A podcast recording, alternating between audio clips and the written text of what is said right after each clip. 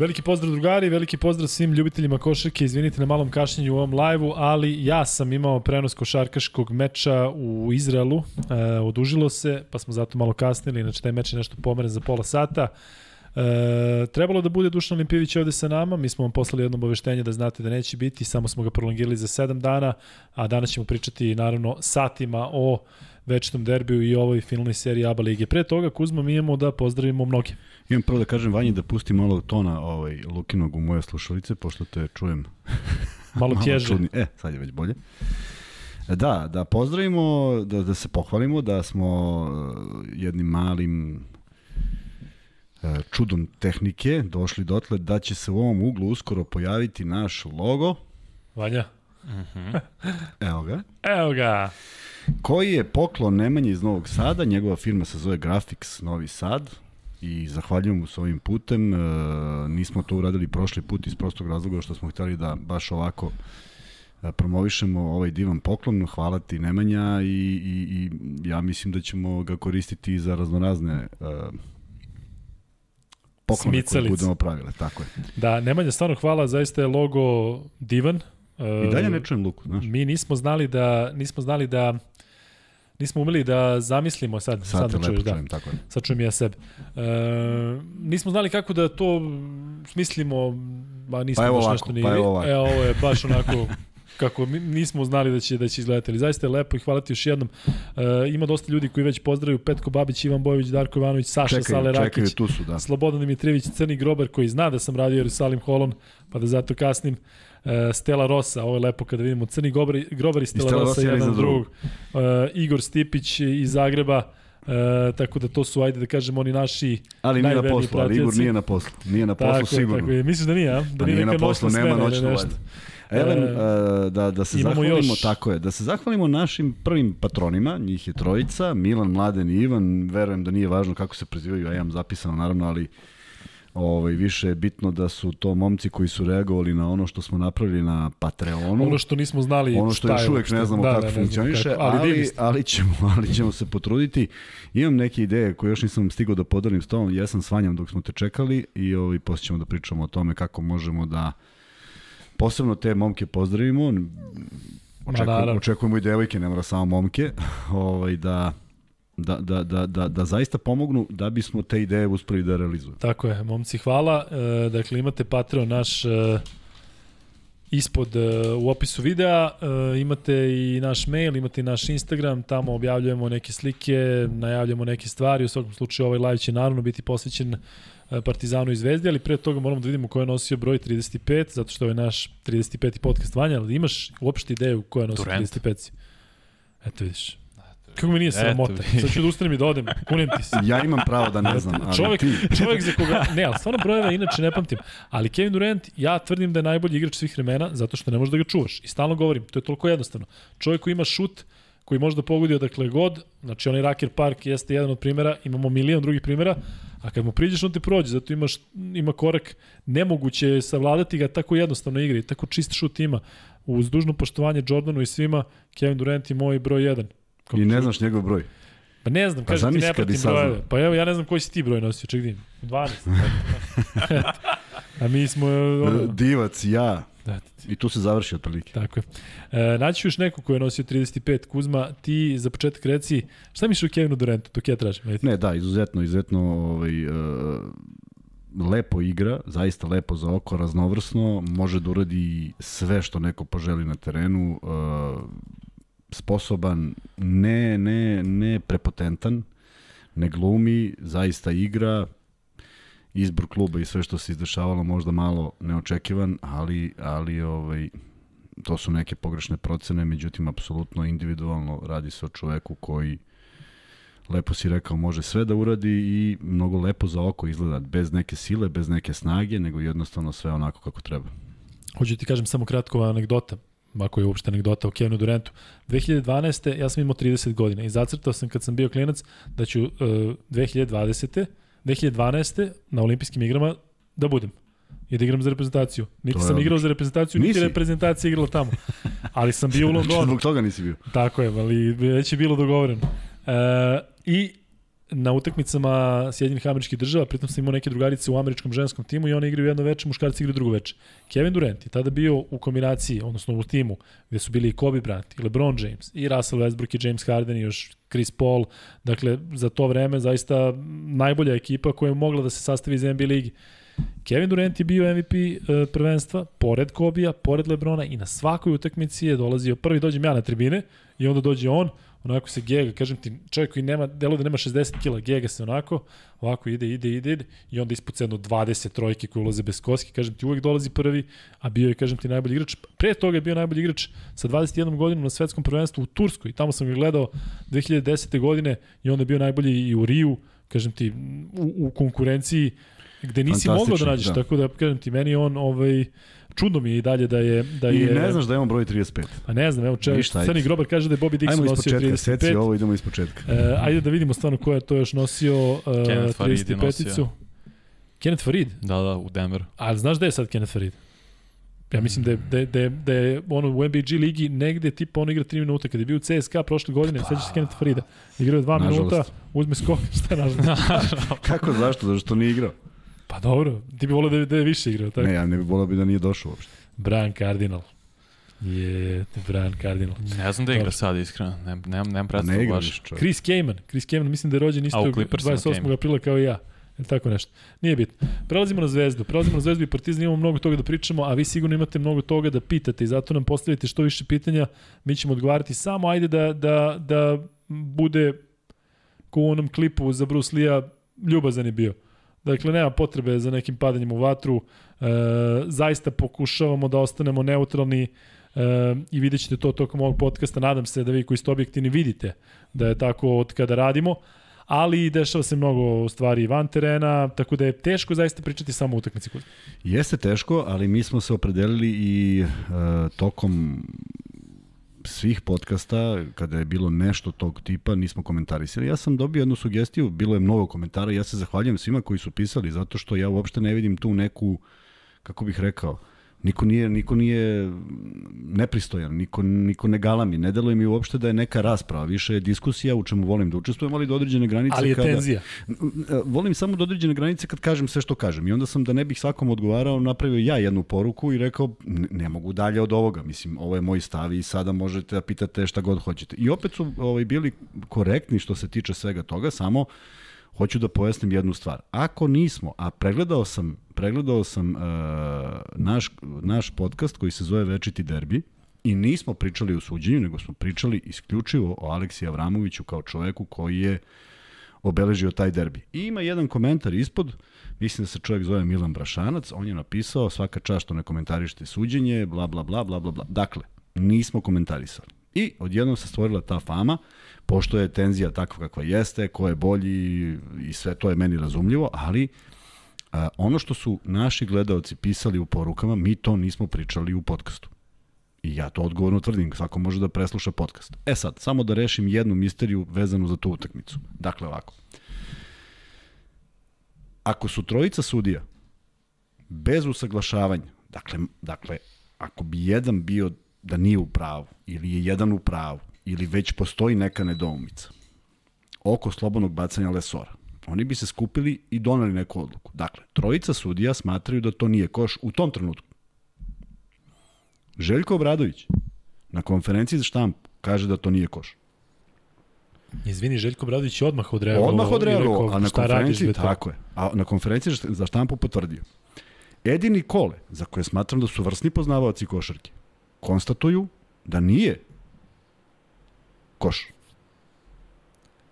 I ja i dalje mislim da nije, bez obzira, na, ekspert, ja ne znam ko su eksperti, iskreno ti kažem, ne zato što ih o, omalovažavam, nego zato što ne znam šta je u stvari bila ekspertiza.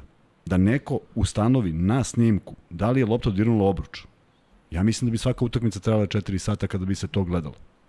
Dakle, utisak koji smo svi imali je da je on ušao u, re, u prestupio liniju pre udara lopte. I IT, da. između ostalih. Apsolutno svi, ali ja mislim bukvalno svi, doslovce svi. Tako izgledalo, tako, izgledalo. tako jednostavno, zaista onaj prvi. I sad neko u frejmu koji ne može oko da zabeleži, konstatuje da nije. I to je u suštini jedina stvar koju je objavila ABA Liga. ABA liga na svom sajtu na engleskom jeziku nema sedam ovih četiri ova, tri ova, tri ona. Piše samo da je taj koš važio. I ja tvrdim da iste te sudije ne bi priznale taj koš ni sledeći put. Jer je tako delovao. I tu završavam priču o košu. Ja, ja i dalje mislim da ne može bilo kako da se izvede slobodno bacanje. U naše vreme, ako su se pravila promenila, grešim. Ali kažem, niko nije, bio, niko nije zastupao teoriju da je to koš. Apsolutno niko. Da, ne znam gde je granica da ti uzmeš i da zafrljačeš loptu u tablu ti se vrati u ruke. Ja, da u naše da vidi vreme ti nisi smeo da baciš. Ovo, ovo nije bio šut. Ovo je bilo gađanje u obruč. Ja ne znam da li definicija podrazumeva gađanje ili šut.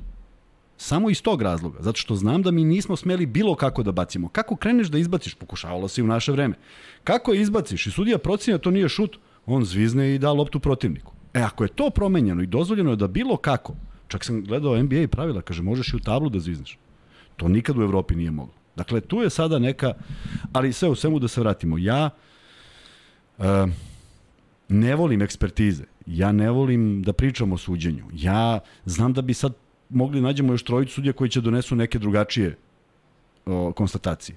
I sad zamisli svaku utakmicu da, da provedemo u priči o sudijskoj ekspertizi. E, ono što, što se vraćam sad na sve poruke koje smo dobili, u kojima zaista jedan dobar period odgovaranja sam zaista uživao u smislu daj da pričam. Posle toga, kažem, već, već iste priče nisam mogao da, da ponavljam. Ali,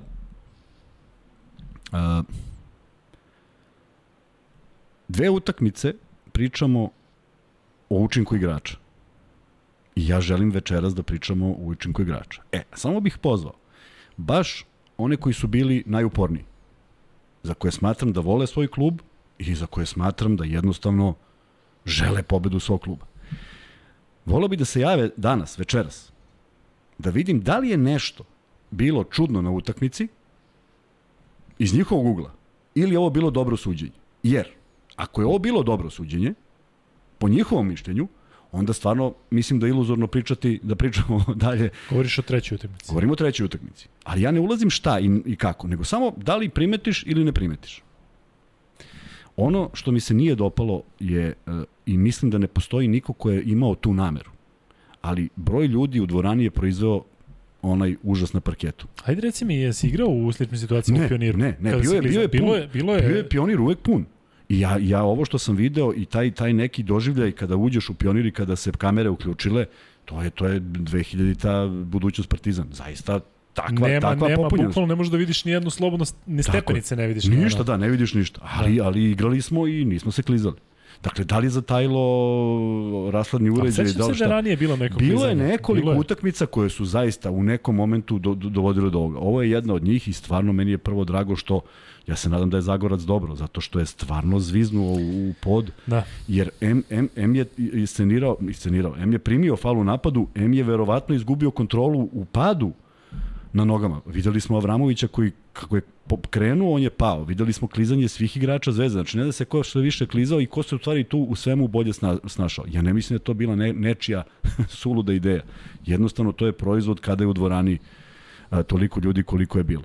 Što se utakmice tiče, junak utakmice je apsolutno Kevin Panter, a, čovek koji je postigao tu trojku i da vratimo film, samo 10 sekundi pre toga ili 15 sekundi pre toga je Luka Mitrović imao loptu u rukama, da je položio, to ide u jednom smeru, ovako Panter mu je oduzeo loptu, postigao tu trojku i onda dolazi taj prekid koji naravno utiče na sve igrače i gledamo jednu vrlo nezanimljivu košarku tih poslednjih 57 sekundi, svi hladni, videli smo... Mučno je bilo i za gledanje, i za igranje, i za i bilo za- šta, tako je. I onda vidimo Kalinića koji je do tada igrao odlično kako promašuje Zicara, vidimo i Davidovca koji promaši ceo koš. Tako da, taj sam kraj je već bio dovoljno, dovoljno naporan za gledanje i nisam očekivao ništa kad je već sve stalo u tih 57 sekundi moglo je da, da se produži, jer u suštini ne znam šta se desilo Boltauzeru, A, ne onaj moment kad on izlazi baš sa Pa neko parketa, ćuška, da, da. nego zaista mi nije, nigde nije, nije Ne, zabeleženo. koliko sam razumeo, Nikolić je pogodio u paljač, pa smo videli da je neko predao to sudijama i onda su oni došli nakon upozorenja, već su, to je, Pa znam, to je oni su ja koliko 57 razumem sekundi, da. postupili po pravilima,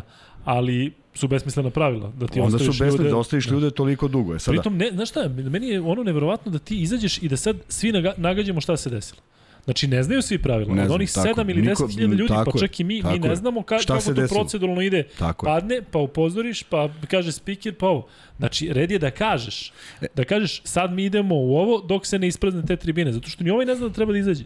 Znači, onda, znaš, gledaju se ljudi, Gledaju se i čekaju, igrači, da, da, da. to je potpuno suludo. Pa se prazni tribina, a uopšte ne znaš da li treba da se izbere. Mislim, mi Tako nemamo je, nikakvu da. informaciju. Tako da sve je bilo čudno, a u stvari e, proizvelo je to da tih 57 sekundi nema neki naročiti smisao, zato što se izgubila, izgubio se ritam utakmice i sad valjda, ne znam kako to izgleda, Zvezda uzme loptu pa možda bi, možda bi u tih 57 sekundi na neku brzinu i na neku uh, ideju dali neki koš. Ovako je to izgledalo prilično bez veze i kada se sve sabere, Partizan je iskoristio svoje šanse, Zvezda nije svoje. Prvo polovreme apsolutno pripalo Partizanu, ali ta treća četvrtina koja je bila mogla bude kopna za Partizan je zaista bila odlična četvrtina Zvezde u kojoj je bilo 23-8. Međutim, ono što Partizan ima, a ovo, juče imao na, juče, juče na početku imao odličnog Mura, Pantera tokom cele, cele uh, utakmice.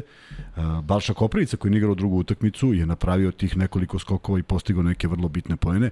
Aleksa Maramović koji nije u svom elementu, ali vrlo bitne odbitke je vraćao u koš i opet postigao neke poene i negde ono što s čime Partizan kuburi to je nažalost posle povrede forma uh, Smajlagića i, i činjenica da, da Zagorac ne može da uđe u, neku, u nekakav košarkaški ritam. Ako smo o nekom pričali, ako smo nekoga onako želi da, iz, želi da izbodrimo, to je apsolutno bio. Što se Zvezde tiče, nismo, nismo mnogo videli Voltersa od, od jednog proklizavanja i uopšte od, od samog starta utakmice. Uh, videli smo Stefana Markovića koji imao sasvim pristojnu rolu i u tom momentima kada je Zvezda pravila rezultat. Videli smo Lazarevića koji, koji za razliku od igrača Partizana tih, taj osmi, deveti zaista unese tu neku svežinu, jer Partizan igra sa manjim fondom igrača nego Zvezda i otuda ona priča kada, kada kaže pa Panter i Lede, Ledej su imali po 3-4 faula, pa jesu zato što ulazi tri igrača manje u, u, u igru. Prema tome, a, a, ne spomenuti, ne spomenuti a, jednu uzavrelu atmosferu u kojoj valjda sada uh, treba da shvatimo da je tako bilo i na drugoj, pa tako neka bude na trećoj, pa ako je već bilo na trećoj, neka bude na četvrtoj, pa tek ako je bilo na četvrtoj, onda neka bude, to za mene nije, nema, nema nekog smisla. I zato ne želim da učestvujem u tome na taj način. Uh, n- neko sam koji je doživeo mnogo nepravdi što se sudija tiče i sve sam ih progutao i išao dalje i taj klub u kojem sam bio je rastao i nosili smo se s tim i prosto nikad nije, nije bilo tako vreme da si imao kome i da se požališ, niti su mediji to pratili na, na takav način. Sad je sve to nekako kao, kao da je košarka u, drugoj, u drugom planu. Tako mi deluje već godinama i zaista negde mislim za neko, ne, ne, ne znam više da li upotrebiti smirivanje strasti ili bilo šta, ali prosto ne pričamo o košarci. Ja znam da će sad sva pitanja biti okrenuta ka, ka, ka suđenju. Aj se kad ti sad gledaš e, 24 fantastična košarkaša, ovi talentovani, ovi dovoljno iskusni, ovaj zna, ovaj zna ono, i mi pričamo šta je sudija dosudio i da li je dosudio. Ono što je meni ipak neverovatno, jeste da u dve utakmice, da u dve utakmice, nije bilo koraka kao u trećoj. Šta se desilo tim igračima? Su zaboravili da pravila? E to je ono što sam ja pričao o sudijama da imaju isti kriterijum. Nema veze koja su trojica. Ali ne može da bude odnos sviranih koraka 12-0 jednostavno nema, nema smisla. Ne zato što neko navija ili navija, nego prosto imajte isti kriterijum. I vraćam se na ono gde je mene neko uhvatio za tu rečenicu isti kriterijum. Ako Ivanović fauliran i ne gledaš snimak, samo nemoj da gledaš ni snimak na lesoru. I sve je u redu. Ja, ja onda nemam nikakvu primjedbu. Čak i da je obrnuto, da je gledan snimak, da nije gledan na Lesoru, a na Ivanoviću, isto bih rekao, poenta je u tome da sudije moraju da kontrolišu utakmicu, jer doprinose da mi pričamo o njima. Jako je teško suditi ovakve meče kada znaš da će da te Svakako. pogodi, lo, pogodi nešto u glavu. Apsolutno. E, dakle, ti kažeš da, ćemo, da će ovde biti pitanja samo o suđenju, ali pretpostavljam da ljudi generalno tako razmišljaju da će biti i više pitanja o tom odnosu Partizana i Zvezde, ali ti deluje da nikad nije bilo gore. Ja se sećam ranije da je bilo tih tuča navijača, sećaš se da je bilo tuča u dvorani, pa se bilo tuča, ulazili su navijači na teren.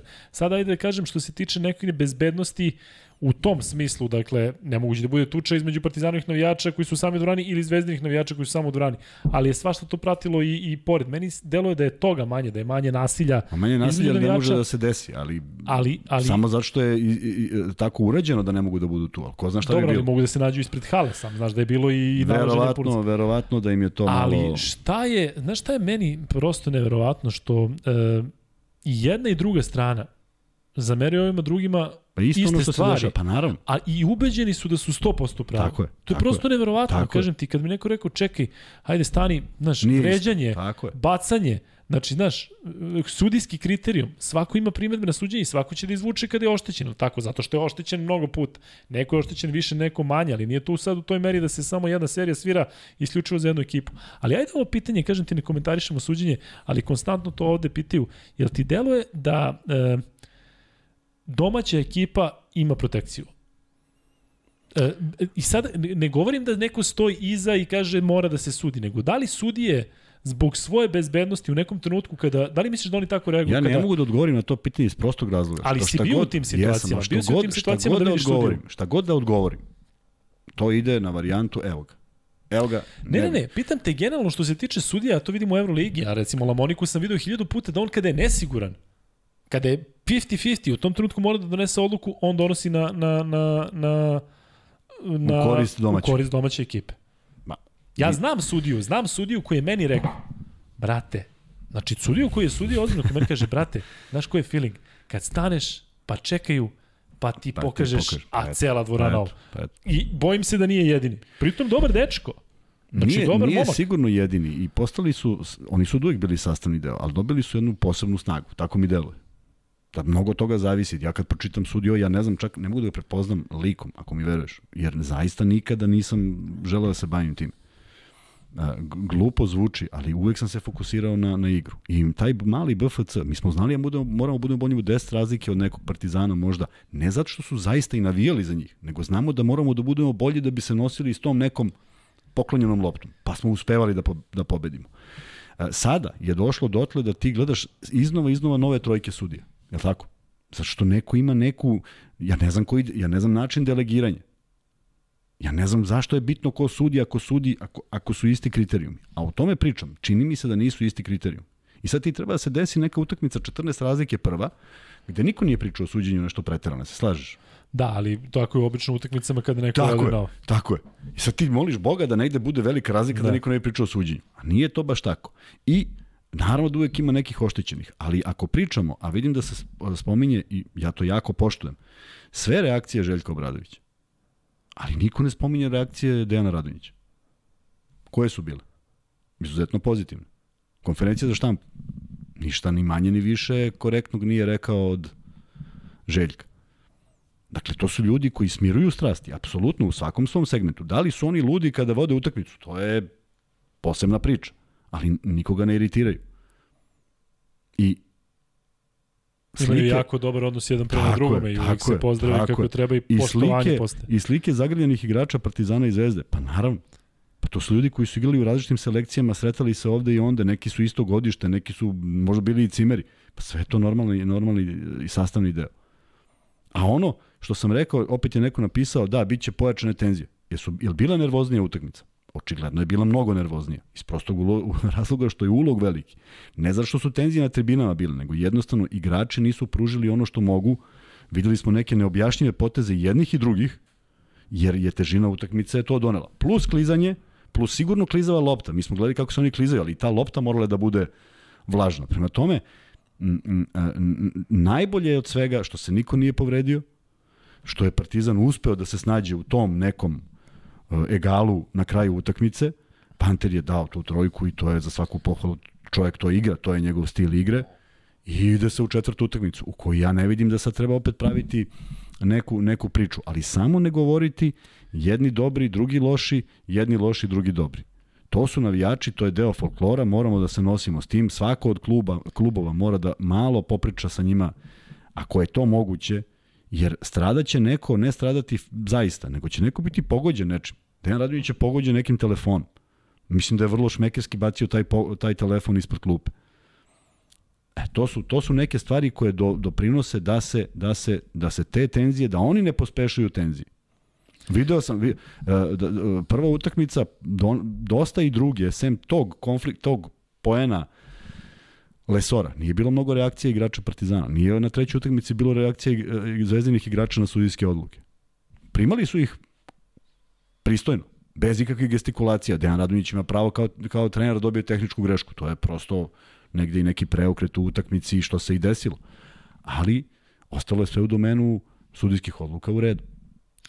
Ajde da, da idemo sada malo unapred, zato što je teško pričati o košarci e, sada o ovom trećem meču, zato što je košake činjenica bilo malo, ali si rekao da se Partizan bolje snašao u toj završnici. Pre nego što pređem na pitanje igrača, o igračima, ovo pražnjenje dvorana, kako, kako misliš da će uticati? Pa ja ne znam da li je doneta uh, odluka povodom treće utakmice, ekspresno je doneta povodom druge i vidim da su za tu petu eventualnu uh, kažnjeni organizatori Crvena zvezda. Aj, sad ja ne znam šta će se desiti, ali... Kažnjeni bi... Partizan, ne znam da li si video. Nisam, nisam, zato što je... Evo, sad ću da pročitam Ajde. za one koji nisu koji nisu uh, eventualno stigli. Ovo je ono što je stiglo danas i što važi za utakmicu uh, za četvrtu utakmicu koja se igra u petak od 18.30. Konkretno, domaćin će morati da zatvori prvih 10 redova tribina A, prvih 13 redova bele lože, celu tribinu parter 4 senior, celu tribinu parter B, celu tribinu plava lože, kao i prvih 12 redova tribine VIP lože. Izveštaj delegata stigao u četvrtak ujutru, obe strane imale su određeni rok da se o njemu izjasne. Dakle, ja sad gledam otprilike kako to izgleda u pioniru, praktično, koliko razumem, Prvi ovaj deo oko, redova, da, nema... Oko terena će biti prazan. E, prazan. E sada, to sigurno da, ajde tako da kažemo, um, pošto je Partizan domaćin, Partizanu verovatno treba sada publika, da li to može da utiče pozitivno ili negativno ili eventualno da izazove sada kod tebe tu reakciju, ajde dobro, neću da se klizam, barem ajde da se koncentrišemo na košarku. E, moguće, sigurno će biti bolja utakmica jer je zaista proizvela to jedno klizanje, zato je utakmica i trajala toliko, tako da sigurno da manje broj ljudi neće dovesti do kondenzacije koja je zaista bila nenormalna jer ja ne verujem da se neko folirao, prosto bojali su se, gledamo kontranapad gde su usitnili, ne može sitnija trči da bi I zaista u jednom trenutku je bilo ozbiljnih padova gde sam, gde sam se zaista bojao da se neko ne povredi, jer to je nešto što apsolutno nikom ne treba, naročito što se ne završava sve ovim utakmicama, nego idu i neke reprezentacije i KLS i tako dalje. Dakle, e, to je jedina dobra stvar. Ali sigurno će biti bolja košarka. Biće nervoz, nervozna, ali će biti bolja jer će, jer će prosto bolje kontrolisati loptu i telo i moći da, da, da funkcionišu. Nije bilo uh, uh, momenta da nije bilo lepih poteza, nije bilo lepih akcija i kod jednih i kod drugih. Dakle, dok je to imalo svoju neku uh, uh, lakoću igranja, dok je parket bio uh, suv, to je izgledalo prilično dobro. Partizan je tu stekao prednost u tom trećem delu utakmice gde su se i Zvezdini i Partizanovi klizali prosto možda su stabilni, možda su malo je raznovrsnija Zvezdina igra bila. Muri je otvorio trojka trojka ja mislim da je Partizan od prvih 15 poena, da, četiri trojke dao Panter jednu dvojku sa faulom. Dakle, četiri trojke su postigli. Zvezda je već u tom periodu igrala dvojka, trojka, dvojka, trojka, pa su imali možda i razigranije igrače u reketu, pa su tako u tom periodu kad su poveli 23-8 uh, uh, u trećoj četvrtini i, i zaradili tu prednost. Prema tome, opet ćemo videti dve koncepcijski drugačije ekipe, Partizan kojoj treba brzina da bi razvio sav svoj talent i jedna sporija igra gde Zvezda apsolutno sa svojim uh, iskustvom može da, da, da traži put do pobede. Vidiš, e, taj, to će biti otežavajuća okolnost za Partizan u smislu tog nekog osjećaja, ali um, i jedni i drugi će se navići na to. Zvezda možda za nijansu lakše da ne bude da nema razmišljanja pre svega o kondenzaciji i, i, i nekim drugim stvarima, a Partizan nedostajaće taj huk kada postigneš poen, pa ona iz prvog reda kada te bodri. Uh, ali u krajnjem slučaju vidjet ćemo i ako bude došlo do pete utakmice, to čeka i Zvezdu. E, pričat ćemo sada malo o konkretno igračima, šta očekujemo od njih. E, vi postavljate pitanja, pročitat ćemo ih e, zaista sve što stignemo, postavljajte još. E, e sada, e, delimo free betove danas, je tako? Da. Delit ćemo ih e, u nastavku programa, da se ispričamo prvo o Partizanu i Zvezdi. E, ali e, pre toga hoću da pročitam jedan, jednu poruku od eh, Grobar Jug. E, gde mislim da su u pravu, nije niko gurnuo sudiju, nego u pokušaju žandarmerije da ga odbrani slučajno Da, da, da, ga je da, odgurnuo, da. pogledajte snimak. Tako je. I meni deluje, samo je delovalo da ga je cimno, Ne, hteo da ga zaštiti tako je, policajac ali, i vero, zakačio ali je verovatno i za... Mo, neko je nagrunuo na njega je, i- Da, da. Ne, ne, ne, ne, Potpuno ste u pravu i sa time se slažemo, samo je i delovalo tako da je ne, udaren. ja i kažem da tu nije udaren, tu sam vidio da su da je bila policija, nego kažem ne znamo šta se desilo na terenu, pa da, je isprovocirano. Nikolić, Nikolić ja koliko Da. razumijem. E, i ispada uopšte nije Bolthauser. A to, taj moment kad on izlazi, Da. on izlazi Jeste. i naleću Zato je- policajci. i- Zato je došlo do, znaš, Bolthauser videli su svi da je došlo, ne, da ne, je ne, samo to nije čušlut. bilo, ne, ne, to je bilo slučajnost, mislili, da. tako je. Ne, ne, ne, Pritom to moram da nema. kažem za momka Nikolića uh, da je jako dobar momak. Ja ga, jako kratko smo, jako kratko mi je sudio na nekom, da vam ne kažem gde, uh, u Budvi, pre 12 godina recimo, više. Uh, momak je super. Dakle, uh, ne govorim sada, naš ljudi misle da je nastrojen Partizanu ili Zvezdi, da, da ne znam, sudi. Dakle, momak je, tamo je bila kombinacija i igranja košarke i nekog izlaženja. On se toga verovatno ne seća, uh, ali, ali kažem, upoznao sam ga dok je bio mlad momak i nije mi odavao utisak tako kao recimo što sam imao drugari koji su sudili što kažu što volim ovo ili ono. Dakle, delovao mi je tada zaista kao cool tip, onako delovao je malo markantno u smislu da, da, da je kao uobržen, uopšte nije. I sve mečeve koje je sudio, sudio dobro, kada je meni sudio. Tako da, e, što se toga tiče, kažem, nestaje momku u odbranu, samo kažem šta se desilo u Budvi pre x godina, ali ovaj, toliko što se tiče toga.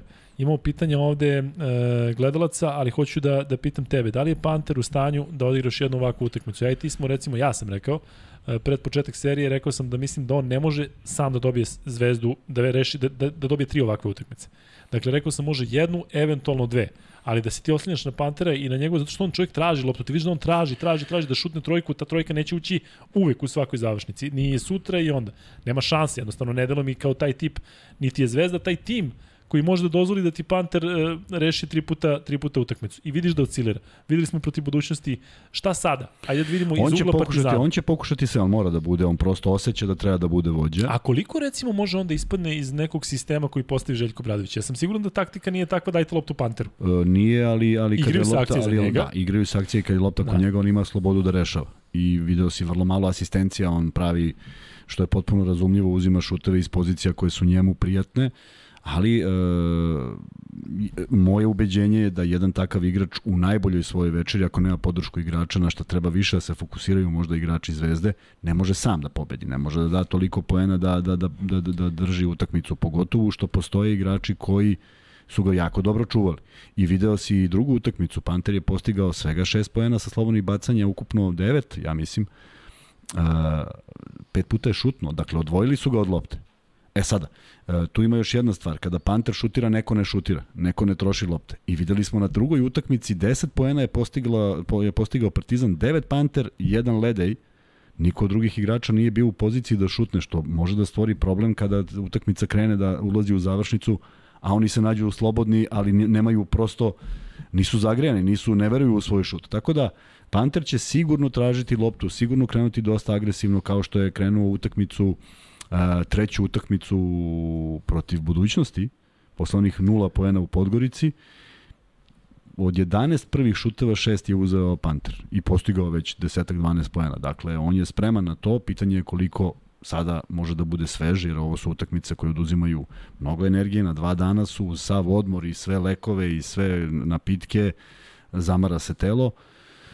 Mora da dobije podršku još nekog ako Partizan želi u petu utakmicu. E, svi osciliraju, apsolutno svi, doslovce svi igrači su pokazali jednu i drugu stranu.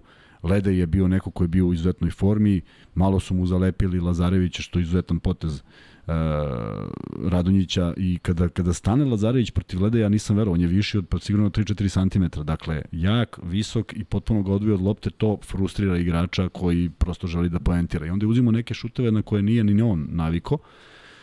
I, i negde je razlog to, tih malih malog broja poena, poena zato što su ni Avramović nije bio u šuterskoj formi, osim Mura koji je otvorio fantastičnu utakmicu pa sve do kraja nije postigao. Mali učinak, mali učinak Zagorca, mali učinak uh, Smajlagića, zaista mi je žao tog momka iz prostog razloga što ga je ta povreda potpuno uh, poremetila i od, jedne, od jednog fantastičnog početka gde se on vrlo nametnuo kao vođa zaista ima odlična rešenja, mekan šut, odjednom, odjednom se izgubio. Prema tome, uh, uh, tu ima dodatak neko na iskustvo koje je Partizan sigurno, u kojem sigurno vodi Partizan iz prostog razloga što spominjali smo, ali Balša i Smajlagić nemaju te utakmice u nogama koje imaju igrači Zvezde, imaju Panter Lede i to je u redu, ima Avramović koji igra u najjačim ligama u Evropi. Sve je to, ali to je mali broj, mali fond igrača. Madar nije neko ko može da kaže imam isku, iskustvo pet finala ABA lige. To sve imaju igrači Zvezde i tu je prednost njihovoj strani i video si njihov ritam igre je drugačiji. Kalinić zaista neko ko, ko, ko vodi apsolutno glavnu reč. Uh, minijature Lazarevića, igrača koji ulaze sa klupe su konkretnije i tu Zvezda dobija snagu. Ne oseti se taj, taj moment kada, kada je na klupi, kada jedna prva petorka napusti klupu, to se manje osjeća u Zvezdi, zato jer Obradović mora da rotira češće i mora da rotira, jer rotira manji broj igrača. Sve to u četvrtoj utakmici, sva ta teorija, sve to može da padne u vodu, može neko dobije moment inspiracije, može neko da se osjeti umornim, dakle, ovo sad već oduzima mnogo snage da bismo mogli da predvidimo tačno šta će biti, ali da očekujem opet jednu neizvesnu utakmicu koja samo da ne bude klizanja, ja sam već zadovoljan jer uvek e, gledao sam u društvu u kafiću u društvu izvezdaša i partizanovaca i zaista smo se ovaj, dobro zabavili zato što je bilo lepih poteza koje smo mogli da vidimo. Prema tome, Uh, to je ono o čemu mi treba pričamo i da navijamo da takvih utakmica bude što više. U tom svetlu ja želim da bude uvek pet utakmica, ne navijački, nego kao košarkaški zaljubljenik, da pokažu talena, da se niko ne povredi, da budemo da dobijemo neke heroje koje nismo videli do sada, a ne da pričamo o, o, za mene trivialnim stvarima. Nažalost, oni određuju, ozbiljno određuju sudbine i igrača i klubova i svega, ali ja ne želim da im dajem pažnju. Nemanja Stanković nam je napravio logo, tako? Jel Stanković? A, jel tako? Nema na, kaže, nema na čemu. PS ne, nije pa Novi nema. Sad, nego Niš, a NS su inicijali. Zezaš? Da, pa tako da eto, da pozdrav pa ja za Niš. Tu. Pozdrav Idemo za Niš, Niš onda, izvinjamo se. E, Kuzma, što očekuješ od zvezdinih stranaca? Ja sam mislio uh, Graphics Nije, Novi Sad. Nemanja Stanković nas... E, genijalno, dobro. Ovaj, e, zvezdini stranci. E, tokom cijele sezone oni su u sklopu tima, oni su tu kao, nisu kao kod Partizana gde imaš Pantera koji uvek može da da 30 da. pojena. I Volters može, to može da uradi. Ali da li je možda sada vreme da recimo Dan Hollins e, podigne nivo svoje igre na viši nivo ili to eventualno može da bude kontraproduktivno za tim. Za Vajta mi konstantno tražimo opravdanje u smislu svašta se dešavalo. Walters je ipak nešto, neko ko je najstandardniji, ko je najčešće ima loptu u rukama, ali da li je potrebno od tri Amerikanca ipak više u ovakvim situacijama. Pa White ne igra i to je to je evidentno igra jako malo kad je igrao ovo što je igrao čak i to odigrao dobro na prošloj utakmici je promašio tu jednu trojku ako se dobro sećam. Uh, ali Hollins je, Hollins je neko koga diže ta atmosfera i taj kad otvori utakmicu dobro. Međutim, uh, ajde da se sad podsjetimo prve utakmice na 10 razlike za, da li prve ili druge, sad stvarno toliko je bilo momenata. Kada Hollins trči u kontru i bez veze šutira trojku, imaju fore za smiren napad i umesto 12 ode na 7. To su, to su problemi koji te vrate i ne treba iskakati iz svega toga, zato što Hollins odradi mnogo dobrog posla bez obzira da li je postigao tu trojku. Jeste, ta trojka Ali će... Ali vidiš, Hollins to kada uradi svi vidimo. Panter to kada uradi to se podrazumeva. Kada trojku? Ne, nego kada šutne trojku u tranziciji A, pa da, zato što je, tako je, zato što je takav stil igre. I, i vidi, i kada, kada, kada vežbaš, i kada vežbaš, ja garantujem da ni jedan igrač zvezde, kada Hollins trči kontru, ne očekuje da ide na skok. Naprotiv, u Partizanu, kada kontru povuče Panter i kada traži poziciju, već dva centra idu sa namerom da skinu loptu, zato što je drugačiji stil igre i od Pantera se to očekuje, on je siguran u tome, on to dosta sa velikim samopouzdanjem i sa dobrim procentom radi, može da bude kontraproduktivno, ali to Partizan nadomešćuje većim brojem šuteva, jer oni će onda ako prime koš, opet da se sjure, pa da pokušaju to isto, pa da kompenzuju. Tako da, takav im je način igre. Uh, jurili su zvezdu u leđa i to im je glavno oružje da pokušaju da kad god zvezda bilo postigne koš, bilo uh, promaši, da se sjure iza njih, da im, da im igraju iza leđa, jer jesu zaista jesu brža ekipa kada pogledamo po pozicijama, ali ako Zvezda to uspori, a to je glavni, glavna stvar kako preseći i zato je uh, za Zvezdu vrlo bitno da raspolaže većim fondom igrači da pravi faulove u, u tom delu terena kada je neka tranzicija da bi to zaustavili. Dobro su to radili, niko nije bio u problemu sa faulovima, pa čak i na ovoj trećoj utakmici je to idejno dobro bilo, ali kažem, treću ne mogu da uopšte računam kao kao utakmicu normalnu, jer, jer je pod bio klizav, ne zato što je pobedio Partizan ili bilo šta, nego jednostavno nije to bila utakmica u kojoj svako mogu da pokaže ono što zna. Da li ti deluje da Partizan ima te veće oscilacije u igri? U smislu da Partizan Imaju, da. kada padne, on je baš u problemu. Pa, o- a Zvezda nekako, kažem ti, drži ritam čak i kada nije nije dobro, tu je možda neko da povuče Kalnić kod Partizana, nekako deluje da kad je kanal, da je totalni kanal. Pa, pročitao si poruku koju je neko napisao, uvek pričamo o tome da su nedovoljno iskusni, a Zvezdu uvek branimo zato što su umorni. To je fakt, to je činjenica. Zvezda imala š- 60 utakmica, Partizan imao manje utakmica. I ne može niko da mi objasni da Partizan neće imati oscilacije kada imaju 7, 8 novih igrača. To je potpuno normalna stvar.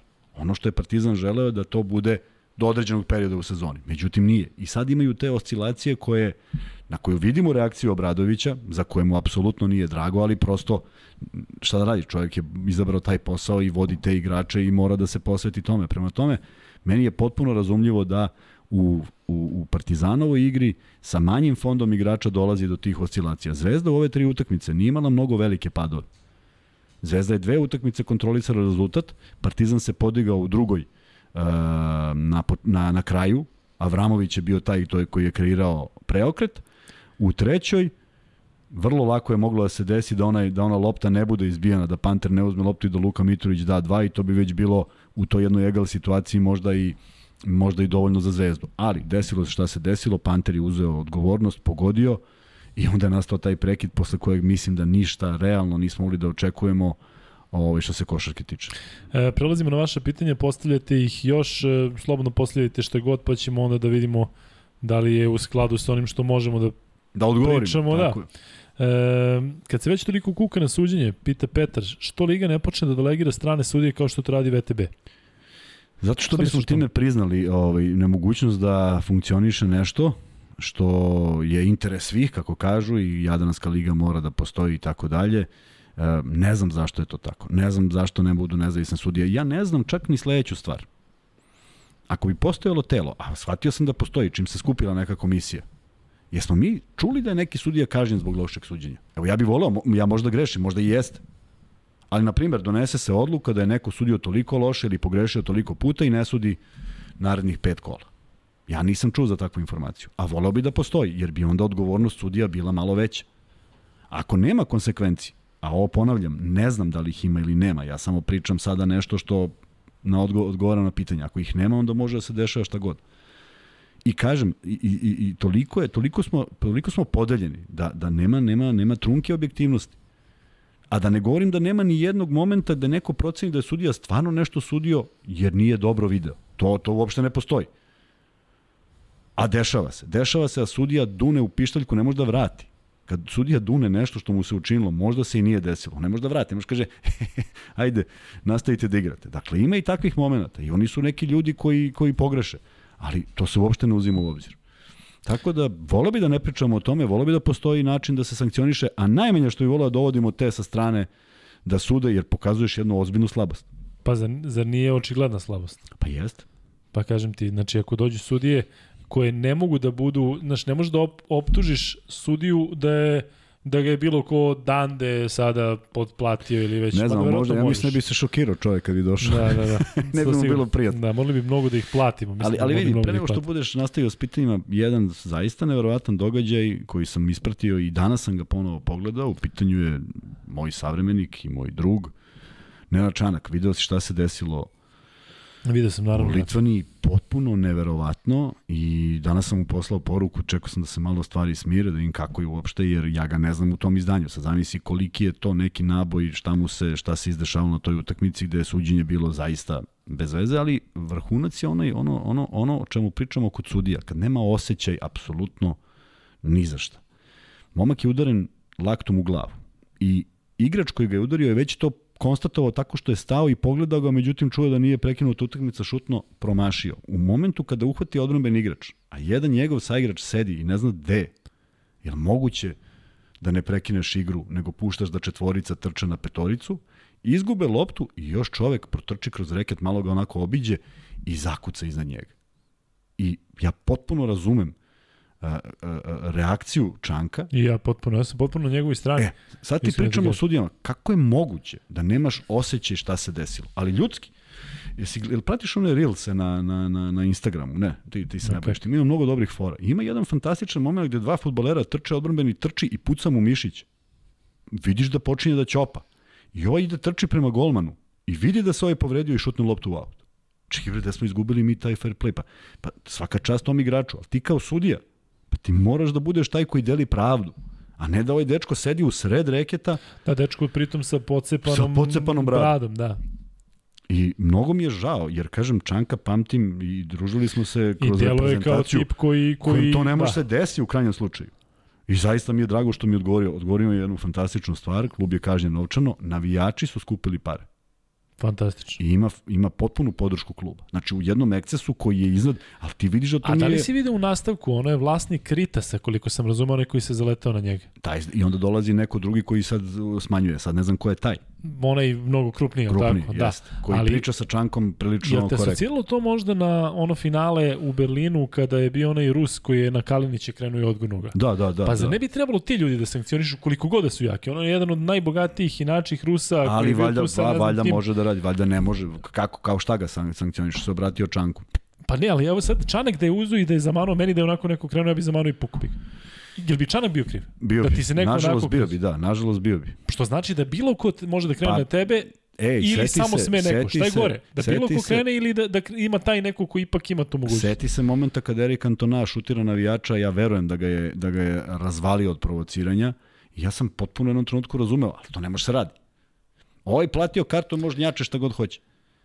Ali ovo nije navijač. Ovo je neko ko ipak Mi, ima, kažem to sad ti ti, pretpostavljaš, ali on je isto, možda je, i on se svodi, kao šta se vodi, kao šta, predsednik kluba. koliko Ne bi sam razumeo da je, da je neko Ne ko je, ko je tu. ulaziti u verbalni duel sa trenerom bilo kim protivničke ekipe u momentu kad ti vidiš da on nije, nije svoj.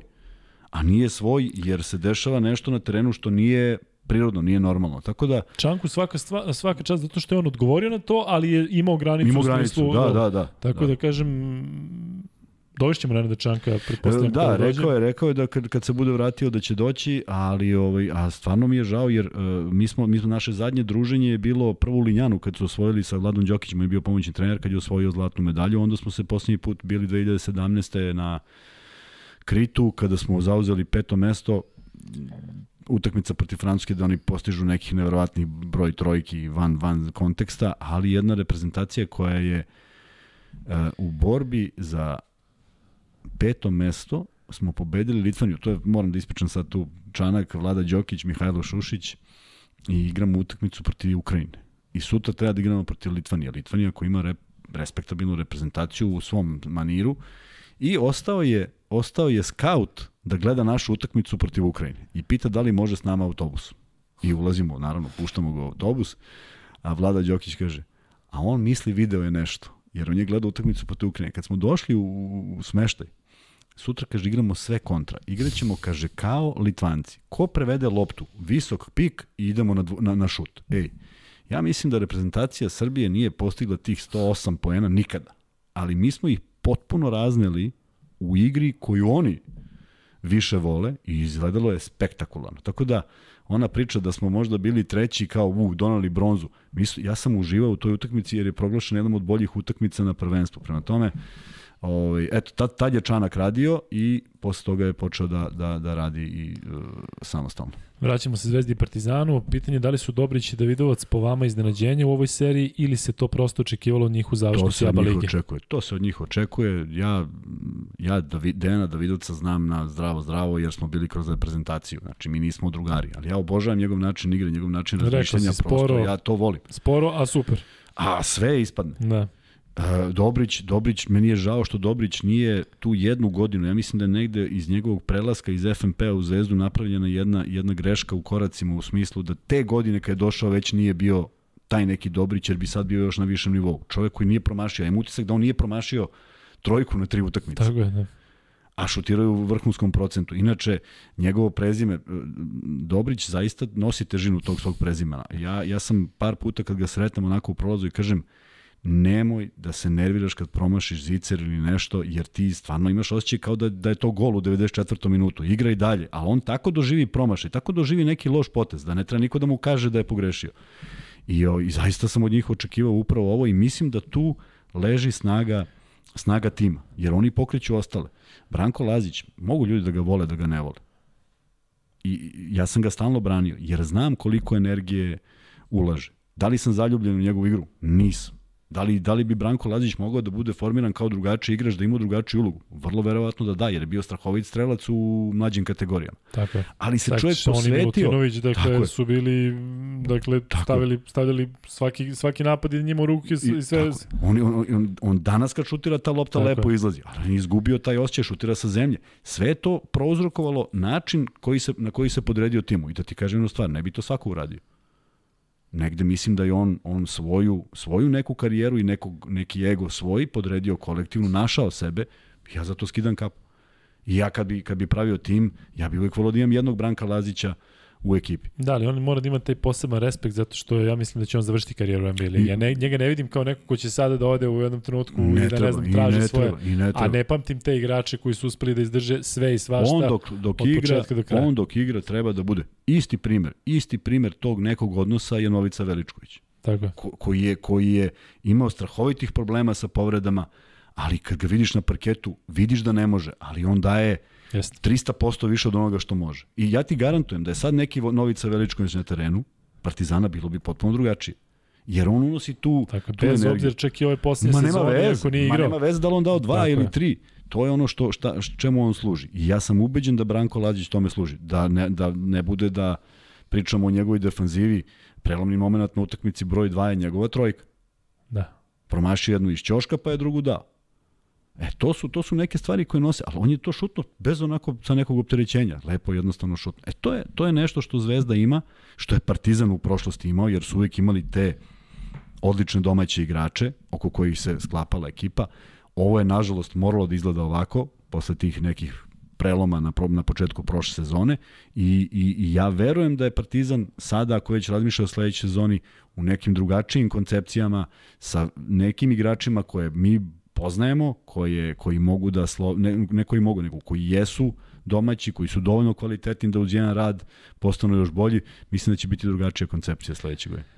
Da li stranci u Partizanu doprinose onoliko koliko ste očekivali? Pošto nas pitaju bojicu, ajde ja ću da preuzem ovo što si već ti Ajde. pomenuo za Pantera. Dakle, Panter je nesiguran, kraj priče. Dakle, nema, nemaš garancije. Vidiš, možete vidite čak koliko puta Željko Bradović njemu obraća i bukvalno onako Željko Bradovićski mu skreće pažnju da nešto radi što, što, je, što nije dogovoreno.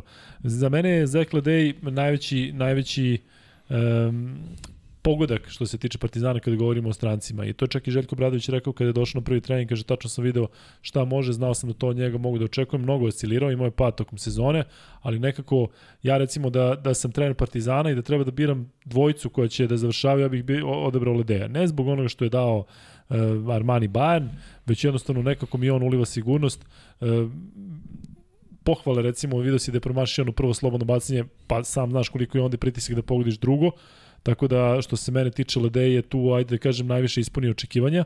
Što se tiče Lesora, on je donao ono što se od njega očekivalo, to je ta neka sigurnost pod košem, određen broj skokova i poena. Ajde Kuzma, ti sad reci, um, što se tiče recimo tog Kuruca, ili kako se već izgovara njegovo prezime, što se tiče glasa, koga ipak gledamo kao stranca, da li bi jedan Kuruc, kakvog su planirali u Partizanu da će biti, Da li bi donao? i onaj glas iz prvog dela Evrokupa koji je pogađao Bio trojke, otkrovenje, je. otkrovenje za sve. Niko nije znao ko je našao ga, je Tako Željko je. i ubacio ga u tim.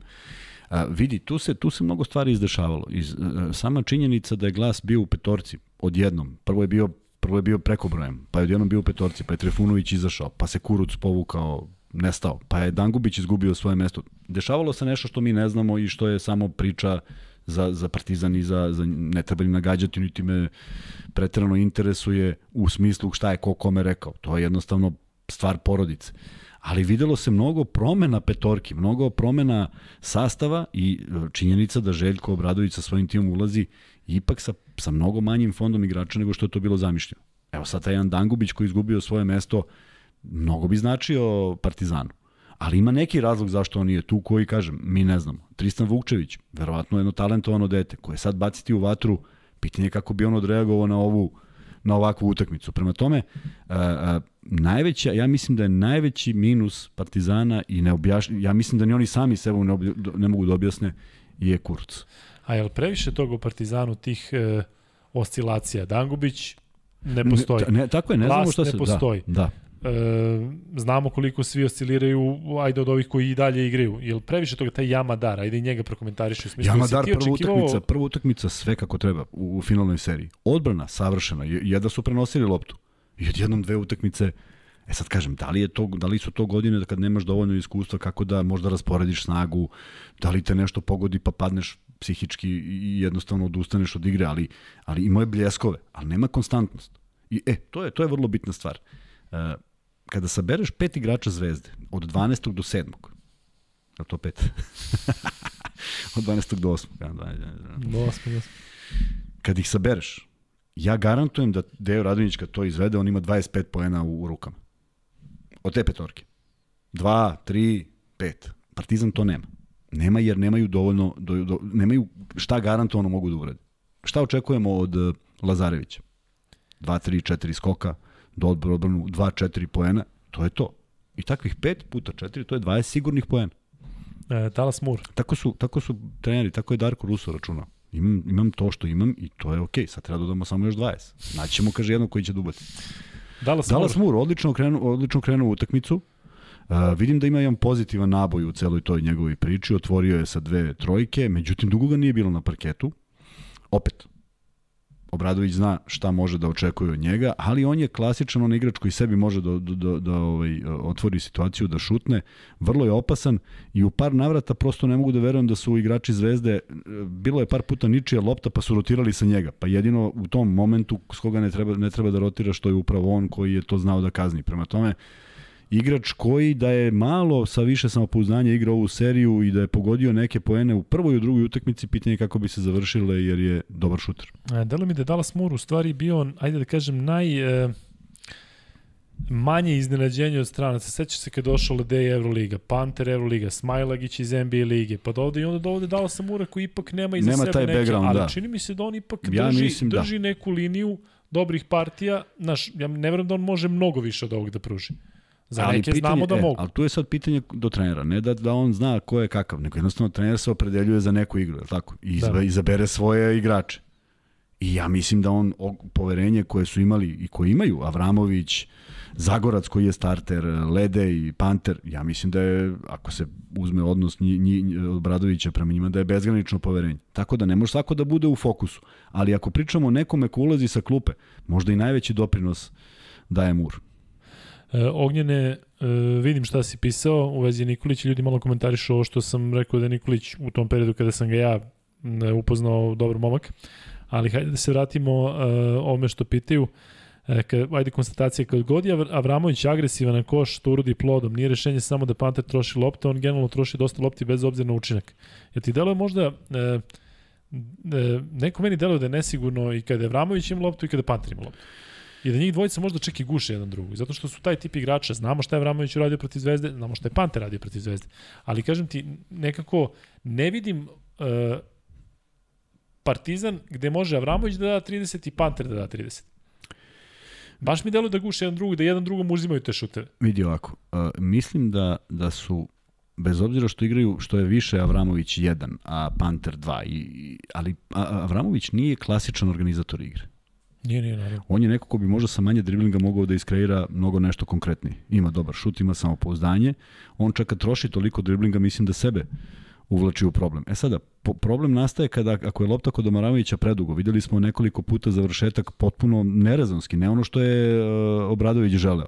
A s druge strane, ako se Avramović oslobodi lopte, pitanje je da li, do, da li ta lopta ponovo stigne do njega, jer, jer eh, Panter apsolutno ima eh, pravo, ne, ne mogu kažem da radi šta god hoće. On dosta odgovorno eh, radi. Nije, nije da neko baca lopte zato što mu je palo na pamet. I vrlo redko Panter šutira kad je neko sam. To, to apsolutno. Ali kad on zamisli da napravi akciju, tu nema mnogo ovaj, filozofije, tako da n- nisu kompatibilni. Nisu dva igrača koji će uživati jedan, u jedan u drugoj u igri jednog u drugog. u igri jedan sa drugim. Mislim da, mislim da, da ovo možda je potrebno. jedan sa drugim.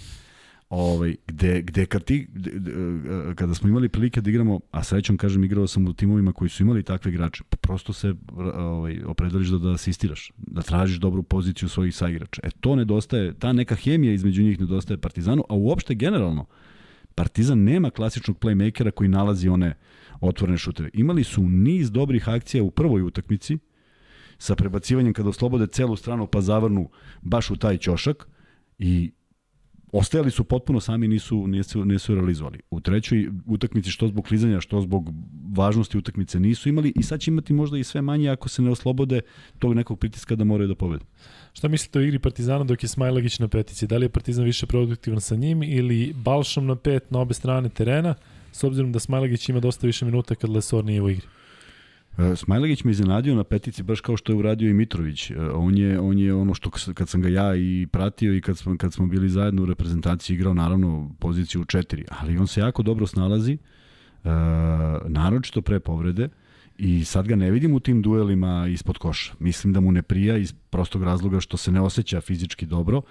Uh, imao je znatno bolji procenat šuta s početka sezone nego sad ovo u, ovim finalni, u ovoj finalnoj seriji maltene bez pogodka, ali video si opet jedna želja da, da, da, da zakuca, da uzme loptu, da skoči, tako da uh, znaš, kad se igrač, igrač ne osjeća dobro sam, sam sa sobom, kad zna da nije u formi, onda mu nije ni lako da igra, onda mora da izmišlja nešto, a mislim da se Smajlagić bez, bez obzira ko šta misli, zaista trudi i želi svim srcem da, da doprinese Partizanu. Prema tome, uh, kako je, kako je Kuzmić izašao, kako je Lesor izašao, videli smo zaista igru tih nižih petorki i ne mogu ti kažem ko je tu sad prednjačio, jer generalno Zvezda igrala raznovrsnije sa igrom u reketu, a Partizan se ipak oslonio na šut s polja. Šta mislite o petorci gdje je Davidovac na petici, niska petorka Zvezde protiv niske petorke Partizana, koja je bolje ukomponovana?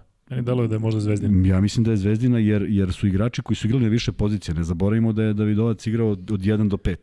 Znači on može da igra bilo koju poziciju i on zna kako da se kreće i kako da se postavi. I, i, i opet, Mitrović, Davidovac i Lazarević su viši od tri igrača ovaj, Partizana. Jer Lede je tu nekako najniži. A ako je mala, niska petorka, to znači da nema lesora. E, tu, su, tu su vrlo, vrlo slične visine i neke nekih fizikalija prema tome. A onda Zvezda još ima i na poziciji dva Kalinića koji može da igra ovaj, dole leđima, što Partizan u tom slučaju onda nema. Šta mislite, šta će biti sa ABA ligom jer ovi problemi gde igrači igraju tri takmičenja, ubija našu košaku i naši igrači sa povredama, što apostrofira Pešić gde god da gostuje. Pešić to apostrofira, to apostrofiramo mi, to i ne to mora da se apostrofira, to svi znamo. To pričaju i Mesina i Obradović Tako. i svi živi i svi koji brinu za košarku i za igrače, jednostavno to se sve zanemaruje. Nemamo za sada nikakve informacije da će se nešto rešiti, ali opet ne. je i razumljivo zato što traje liga. Traje, traje liga, sve. traje liga i da vidimo uopšte šta će Evroliga odlučiti. FIBA je letela sa nekim svojim projektom dosta stidljivo samo jedan dan se pojavilo, ali da vidimo da li će tu nešto da se desi. I to je jedna lančana reakcija koja, pro, koja uzrokuje druge. Mnogo je ovo utakmica, mnogo je mala pauza, faktički pauze nema za pojedine igrače, ne mogu da traju. Evo sad, sa ovog aspekta, ja koji, koji da su me sa 35 godina pozvali reprezentaciju, ja bih dotrčao, ne, ne bi išao avionom, dotrčao bih gde god da su, otišao bi. Ajmo sada iz, iz aspekta kluba. Zvezda je ovu sezonu krenula katastrofalno što se povreda tiče. Da li je dozvole sebi to još jednom ako im pet igrača budu pozvani? Da li to Partizan da uradi? Jer evo, istrpeli su uh, Smajlegića, povreda je negde pri reprezentaciji tamo bila, u tom periodu. Jeste pred Belgiju. A tako? Dakle, da li ponovo rizikovati? Pa to sve utiče na zdravlje igrača. Ne mogu da traju 12 meseci. E, Strahinja Ducić postavlja koska pitanja. Strahinja, opasan si, razumem te, ali pa se dobro, kako komentarišete druženje Nebojša Ilića i Bilošević, je li to normalno? Nebojša Ilić je e, u reprezentaciji, ajde da kažem, neki motor na klupi već koliko godina unazad? X. Tako je. I, i kažem njega, znaš... Nebojša negdje... Ilić je čovjek koji je bio u Bormiju i osvojio onu čuvenu medalju i postoji na košarkaškom terenu 40 godina. Pa mislim, ili da se ne poznaju ili mi, mi, ljudi moraju da shvate, mi znamo jedni druge, mi se poznajemo, mi se družimo, postoje kumov, kumovske veze.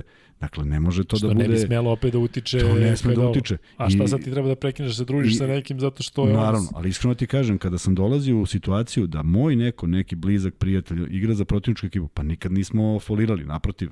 Igrali smo jer, jer, smo rivali, prema tome a, to što se oni druže, to ne verujem da mogu da pričaju o bilo čemu smislenom. Smisleno vezanom za, za, za, za igru. O smisleno mogu, nego o košarci. Pa je sad ovo pitanje, isto Strahinja. Da li se slažete da je problem u vrhovima klubova da bi se tenzije smirile? Vidi Strahinja, ja imam jednu želju kao što ono želim da se vrate Mirotići, ne da se vrate, nego da i da za reprezentaciju igraju svi i da sve bude lepo. Ja stvarno moram ti kažem jednu stvar. Dakle, ja bih volao da ovde sede jedan pored drugog predsednici klubova, što naravno sigurno nije moguće ali e, reću ti svoje iskustvo. Ja gospodina Ostoju Milovića ne poznajem, ali oni koje, koje znam da su pričali sa njim, govore za njega da je jedan pristojan tip, koji, koji zna šta priča i da ih je čak neke koji razmišljaju da to isto kao ja, da ih je možda oduševio kako priča. Ja sam sa Nebojšom Čovićem razgovarao od duše u prošlosti mnogo puta i e, možda ću da sada navučem gnev nekoga e, kada ovo kažem, ali to je čovjek koji će, koji e, ne ide Johnom prvi. Sad je ovde uvijek može da se pita ko je prvi krenuo. Ali recimo on je stvarno neko ko hoće da izđe u susret da te sad, ako ti kreneš negativno, kao što sam ja par puta se naše emisije, pa možemo da kažemo sam se kučio, e, onda ćeš da dobiješ odgovor. Tako da kažem, ja, meni jedan i drugi deluju kao razumni ljudi. I siguran sam da, da imaju istu emociju i istu želju da njihov klub pobedi. I e, sa te strane mislim da kao normalni i razumni ljudi, kao u Kumu, u Kumu 1, kad kažem mislim da smo ovde razumni, mislim da bi mogli da razgovaraju. Znamo kako je bilo između Vujoševića i Čovića, ali mislim da to nije taj odnos, zato što je Vujošević trener, da. a Čović je ipak funkcioner. Da. E, ipak je predsednik kluba. A ovde kažem, baš me zanima u kom smeru bi otišlo, znači, da li bi tu bilo varnice ili bilo čega. To je, kažem, verovatno nemoguće, posebno sada u ovom trenutku. Ali ja stvarno verujem ali... da, da, da niko tu nije... E, da možda, mislim, ajde, da, da, ne, da, da ne ulazim previše, ali e, ne verujem da, da, su, da su zli ljudi, kao što ih predstavljaju oni koji su na drugoj strani. Da, probude se i hoće da prave neko zlo. Ti imaš recimo Nebojšu Čovića, za koga uh, znam da je fenomenalan što se tiče porodice. Dakle, taj, taj, taj dečko za koga svi kažu, čak i, čak i navijači Partizana koji, vređi, koji su vređali Filipa, Nenormalno pristojan, Filip je, tako je ekstremno pristojan. Koliko god čak i na terenu izgledao, mene ne biš čovjek sa vremeno, čak i izvao kad sam ja nešto, ne znam šta, za Filipa nešto bilo između Labovića i Filipa, uopšte nije bila ni moja loša namera, ali tipa interesu da vidi u čemu se radi. Nastupio malo onako, jer mu ipak sin. Tako bi ja nastupio za svog sina, iskreno ti kažem. Zaštiti se porodica, ali Filip stanuje blizu mene i on je nenormalan. On i dalje mi persira i sto puta sam mu rekao da prestane jer smo igrači, a sad smo penzioneri, pošto on više ne igra. Ovo, ovaj, tako da to dete je moglo da bude potpuno drugačije, ali nenormalno je koliko je fin od, od početka bavljanja košarkom do porodice koju gaji do svega. Prema tome, um, da, da pređem... Pritom, da ti, samo da, da, drž, da držite ti nekih porodičnih vrednosti. Da, da, ti, da, I onda da, to da, ne, ne možeš, znaš, možeš ti da mu zameriš sada, ne znam, Možeš nešto, ali, ali kažem ti, je. nekako mislim da je to ogledalo, da je to ogledalo vrlo, svega. Upravo to. A opet kažem, koliko god sada navukao gnev, zato što hvalim jedni i drugi, taj Osta Milović su mi pričali ljudi, kažem, to je čovjek koji te, kada priča sa tobom, priča priča, kažem ti, ne očekuješ od njega da priča tako i otvoreno i sigurno i da, da vidiš da je elokventan. Kažem ne znam, ali vidi, ti kažem jedno moje iskustvo nevezano za dva, dva čoveka o kojima pričaš je taj sukob e, Nije rivalitet BFC bio s Partizanom i Zvezdom kad je nastao, opet ja o BFC-u naravno ko o čemu. Da, moramo, ovaj Lafarge će nam biti katac sponsor, Lafarge kad im, kad i Slonove će ovde da, da, da nam ubaci. Ovaj, ali bio je sa budućnosti, jer se budućnost uh, ubacivala da bude taj treći konkurentni tim. I mi smo nekako prepoznavali da nam je to prioritet koga prvo da rušimo. I ozbiljno teške utakmice i mislim da smo više pobeda izvojevali osim kad nismo bili pokradeni. Ali, glavni lik u tih 3-4 godine je Danilo Mitrović. I prosto on kad ga vidiš ti dobiješ poriv da se, da se pošibaš odmah u prvom sekundu. Onog dana kad sam otišao u Podgoricu, šta je taj čovek u stanju da uradi za bilo kog od nas? Ali ne za neki interes, nego zaista da učini nešto što ti je potrebno, što te, što te muči, ostane sam sa tom, potpuno mu se promeni fizionomija, kaže ima neki problem. Znači, e, e, ja, ja zaista tri godine nisam, nisam znao šta znači reč problem. Jer je on tu. Je to dobar odnos? Da ti svog štitiš po svaku cenu? Oni su zauzeli taj A, da meni kada je neko to, krene... Meni je to isto. Da, da, da, da. To je, to je to. to takvi su. Znači, tako shvatiš... mi reagujemo kao ljudi, tako? Kada pa, ti neko krene recimo na porodicu ili nešto tvoje, ti nešto braniš, što si stekao, ti braniš. Tako. E, oni su branili tako igrače budućnosti. I ja to smatram ispravnim, samo ako mi ne pravimo gluposti. A zaista je bila koncipirana ekipa tako da niko nije pravio gluposti pa da si morao nekog da opravdavaš ili ne opravdavaš. Tako da su zaista bili okrenuti i ja, moje iskustva i moje poznanstvo i sve što mi je pomogao i način na koji smo komunicirali, ja sam, meni vrlo drago što znam tog čoveka. Ali do, do, do tog momenta, Pa prvi na kojeg bi nasrnuo je bio on, ja koji sam prilično miroljubiv. Jednostavno, on želi više od svega da pobedi. Ja verujem da Čović želi više od svega da bude prvi. Mililović želi, ali mora da bude uh, uh, uh, ne, ne, to moraju da prate i drugi. To moraju da prate i drugi. Nisu samo oni bitni. Imaš i različite stvari od medija koji pišu ovako ili onako, da bi dobili neki klik ili nešto. Pa se digne da tenzija, je... pa se digne tenzija tamo da je nema. Mislim da je novinarstvo u To je problem. totalnom kanalu. Znači, čitao sam naslove neke nepismene.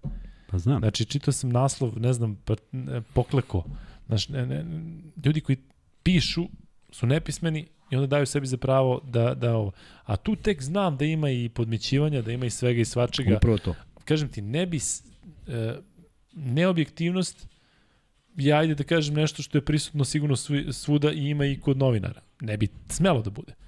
Ali um, kod nas mislim da je da je baš baš odnata situacija. Sećam se recimo ne, ne, prilično godinu nazad došli su novinari um, futbolskog kluba Roma ovde, da izgleda Zvezda Roma igrala, ne znam šta. Jebote, dolaze nije bitno kako ni fizički izgledaju, dolaze ljudi, kažem ti, sređeni, znaš, nekako sa nekom pozitivnom energijom sve. Ovde, kažem ti, ne znam, ajde neću da, da, da, ono, da našu tu, mediji, govorimo mediji pisanim medijima koji, koji pumpaju. Tako kažem, je, oni pumpaju deo to, išta. tako je. Znaš, i sada kažem ti, potenciraš, potenciraš neki detalj i stvarno, kunem ti se, ovo Kuzma, time, znaš, apsolutno ne, ne stajem ni inače u stranu. Niti znam kome se zamera i šta se zamera. Ali čekaj bre, pa mediji u stvari diktiraju neke stvari. Tako je. Razumeš? Tako I, i, I ti sada uzmeš... Pa zato nećemo, zato izbegavamo uporno da budemo deo toga, da pričamo o tome. Pa zato mislim i da nas ljudi cene, zato što kažem vidi da nisu. Tu smo našli da nisu. i ono što ponovit ću, ako neko se kasnije uključio, Meni je fantastično, smo mi komunicirali sa svim tim ljudima koji su uputili skoro 100 komentara Tako. na jednom, u jednom normalnom maniru, u jednom nivou na koji mi možemo da branimo naše stavove. I ja zaista sam, nisam ono rekao nikako sarkastično. Ti navijaš za svoj klub, ja to potpuno razumem. Ovo su moji stavovi, ovo su tvoji i okej, okay, ne moramo sada dalje da idemo, ali nećemo ih to veče promeniti. Ali si rekao na jedan civilizovan način šta si imao, da li će to da se približi ili ne približi, to je već druga priča. Ali ja, ja želim takvu komunikaciju i želim da nam publika bude takva i deluje mi da je takva publika. Jeste, i svakam čast zbog toga. Ko bi trebalo da bude primani defanzivac na Panteru i na drugoj strani kako bi trebalo da se brani Kalinić po vašem mišljenju? Ma, za Kalinićem imaju ozbiljan problem, mora neko gabarita. Ako je tu Panter u pitanju, onda... Da, drugačije je potpuno Panter i Kalinić. On rizikuje i faulove i sve ako je neko viši, onda je sporija ekipa, što opet ne valja za Partizan. I nekako mi deluje da Kalinića zaista nema ko onako da, da, da pritegne. Kao što, na primjer, Hollins uspeva da izađe na, na kraj sa Panterom, čak i Lazić u određenim segmentima, pa kad treba da se nešto povisi petorka, pa kad stave i Lazarevića sa idejom da, da, da, da se zalepi, pa neka sudija svira faul, i to dobro izgleda, tako da ima zvezda koga da, da izrotira, A nekako Kalinić mi deluje kao čovjek na kojem uvek nađu neko ad hoc rešenje. Jednostavno kao da nije, nije, nije, nije uh, nema tog nekog ko može da mu pare da ga zaustavi. Odigrao je majestralnu drugu utakmicu. Prva je nekako možda i bila razumljiva s obzirom da je dobio Ćerkicu i da je bio onako van, van nekog šuta, ali video si jednu Uh, ulogu koju on može odmah da prihvati, da promeni i da radi samo ono što može da uradi u tom trenutku za što se osjeća sposobnim, tako da koliko očekujem od Pantera u četvrtoj, toliko očekujem i od Kalinića da opet pokaže da je MVP ABA lige i da, da jednostavno želi da bude taj koji će uh, Zvezdu dovesti do, do, do željenog mesta. Piše se ovde mnogo o tom odnosu Beloševića i Neše Ilića. Da li ja ne znam za taj odnos, evo, ja ne, za taj odnos ovde, ne znam, jeste, li ima da neka... su sedeli negde u restoranu, pa sad ovde neko kaže pre dve godine, pre godinu dana, neko mislim da potencijala da se sada nešto desilo, pa je onda neko ovde rekao da je postoje pravila gde niko iz kluba ne sme da bude u kontaktu sa sudijama. Ne znamo tu situaciju zaista, pa nećemo ni da, da se pa, bavimo vidi, time. Vidi, čekaj, čekaj, čekaj, ajmo da pričamo o ABA ligi. Uh, direktor, slavili su nešto. Ljudi su slavili lige. nešto, poznaju iste ljude, pa da. nastala neka slika kako poziraju zajedno i kako se. Pa zamisli Da. E, ali vidi, tebi je direktor ABA ligi, bivši sudija, ali tako? Tako je. Pa zar ne bi trebalo da bude onda kontrola sudija ta koja, koja da nema greške? Da, da, ovo je jedan primjer, a toliko imaš neki banalnosti da... da pa, um, Luka Kuzma, dva pitanja. Prvo, da li mislite da ABA Liga opet postala, poslala lošu sliku? Ma kako da ne? Pa ono što je Željko rekao, pa šta će ljudi misliti? Pa apsolutno. Ali, Kuzma, misliš da će biti drugačije u KLS-u? Neće. Neće ovo se podrublju. Pa onda ne možemo sad i mi koji konstantno govorimo kako je ABA liga Pa negativna, ne može, nije ovde pa do ABA ne- lige. Ma nije do ABA lige, ne, do, do, do, su, ma nije do ABA lige. Oni Da, se ali- sastaju u okviru ABA lige. Pa da, ali- koje, do koje god lige. Da je, ja, ja se bojim da Ali bi Euroliga... KLS sad odjednom će da se šta će biti da u. Euroligi? Onda će svi da se vesele, sede na tribinama i mašu jedni Ne, drugim. ali vidjet ćeš tamo kako je drugačija situacija kad imaš evroligaške sudije, kad imaš evroligaške standarde. Kada uđe u paljač, 50.000 bato ti Pa plaćaju. koliko je puta Zvezda platila? Koliko Mizovi Partizan Pa zato ti kažem, toga neće biti. A, važi, ajde Biće- da biće daj Bože, daj Bože da vidimo. Ali stvarno misliš da će, da će biti isto Euroliga, ABA liga i KLS?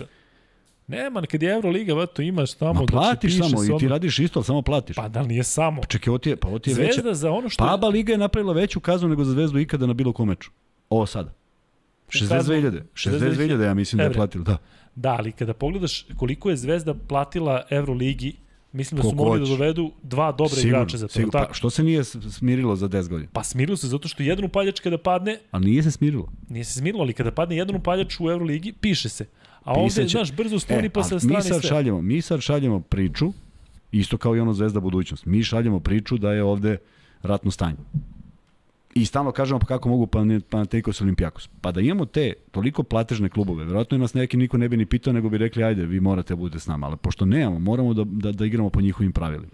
Ali u neku ruku mislim da, da ta puna dvorana i nosi tu neku psihologiju mase. Zašto u CSKA u Moskvi govorimo da je normalna situacija da CSKA igra, nikad neće biti problema, zato što je pola, poluprazna je, pa hala dobro, gde nemaš nikog. Pa temperamentni, Bilo bi lepo- žele, sve je to u redu. Ali, Bilo bi ali lepo imaš, da može da bude puna hala i da bude sve mirno i da ne bude. Ali evo, Očigledno ne evo, evo, vidi, neka je, neka je, neka, evo da nije došlo do prekida u trećoj utakmici, što nije moralo da se desi, i šta nije moralo da se desi na drugoj utakmici. U sve što se dešavalo na kraju, samo da su igrači Zvezde, koji su iza klupe Partizana, okrenuli kad je bila sirena i otišli kući. Završili su posao. Njihov klub je pobedio. Tako? Nema šta sad više da traže u raspravi. Koliko bi to bilo šmekerski? Okreneš se i odeš. I ovi odu u slačionicu i sve se završilo. Ovako stalno neke dodatne tenzije koje šalju sliku da, da, da, da je sve nenormalno. A imaš čoveka na klupi, najbolji trener Evrope, imaš Dejana Radonjića sa, sa ogromnim iskustvom i trofejima koje je osvojio, koji stalno smiruju, stalno nikakvu tenziju ne podižu, igrači im se ponašaju normalno na terenu. Moramo da shvatimo, svi, bilo za kog, kog, god navija za, za koji klub, potpuno nevažno, da to ubacivanje, pa zviznuće nekog svog, pogodit će neko dete koje sedi tamo. I to u momentima, zvezde i navijači, u momentima kad Zvezda vodi u drugoj utakmici ubacuju. Bolthauser prekida utakmicu u momentu kada je cela utakmica bila do treće četvrtine u znaku Partizana. Znači, ne možda mu prigovoriš nešto jer se Da. Partizan taman vratio. Partizan prekida se utakmice posle Panterove trojke, 68-65. Da. Prosto neverovatno. Neverovatno, pa to ti kažem. Da. E, Kuzmar, is- istina da su i saigrači hteli da te tetoviraju. Nije. Ka, da su njegovi saigrači hteli da, da tako piše. Da me Da li istina kad je Kuzma bio igrač da su njegovi saigrači hteli tetoviraju? Ne. Ne znam, jesi imao bilo kakve Ne, kontakte sa ne, ne, tetovažem? ne, ne. Imamo pozdrav iz Gotovuše sa Kosova i Metohije. Gotovuše je gradić na šar na Kosovu i Metohiji. Veliki pozdrav za veliki, gotovo. veliki pozdrav. Najveći mogući. Dakle, stvarno najveći. Stvarno mogući. najveći. Kakve, kakve Australije i Bakrači. I evo ovde sada pozdravljaju redom brata sa Kosova. dakle, Luka, šta kažeš na dolazak Žižića u Efes? E, moram priznati da nisam čuo, samo sam video da juče je bio potpuno izgubljen e, u onom porazu, Her, porazu Makabija od Herclije. To mi je bilo nevjerojatno. Ne znam da si vidio, Makabi je počišćen u polufinalu izraelskog prvenstva, 20 razlika od Bne i Herclije. Ja sam samo pitam, opet prebacujem na ovo, zato što kada se dešavalo ovo između Partizana i Zvezde, naš pauza pola sata, okrenem ovaj da vidim šta se dešava tamo, zato što Izraelsku ligu non stop prenosim. Ali, um, da li je to moguće ovde? Da li je moguće da Partizan i Zvezda ispadnu u polufinalu bilo čega? Koliko bi bilo zanimljivo da imamo i taj nekad BF, BFC i Hemofarm ili neki treći. Zamisli imamo pet klubova gde možda... Ja tvrdim da se Beoč ne bi ugasio da je uzeo tu titulu. Ja tvrdim da je jednu titulu uzeo Hemofarm da se ne bi desilo šta se desilo. Ja znam da Borovica je kratko trajala, ali igrala finale tu jednu godinu. Taj FMP u naboju, onog početka kada igraju Radonjić, Bulatović, Aškrabić, Nikolić, kada tu Bošković, kada tu plejada fenomenalnih igrača, Milojević, dakle nije to neki tim tamo bez veze. Došli su do finala sa Zvezdom, ali imali su kvalitet za dalje. To je držalo košarku, to je držalo kvalitet. Ta neizvesnost. Da ti dođeš na utakmicu i da, da, da budeš poražen. Pa, pa zar nije to divni deo sporta? I evo, sad, ali sad je najsmešnije od svega toga, što Makabi zna da igra Euroligu. I možda je ovo dobra stvar koja se desila u smislu, eto, popularizacija košarke, Bne i Herzlija, sad će oni nešto, divna stvar, oni igraju Euroligu. A ovde, još, a ovde, a ovde ti život zavisi od toga.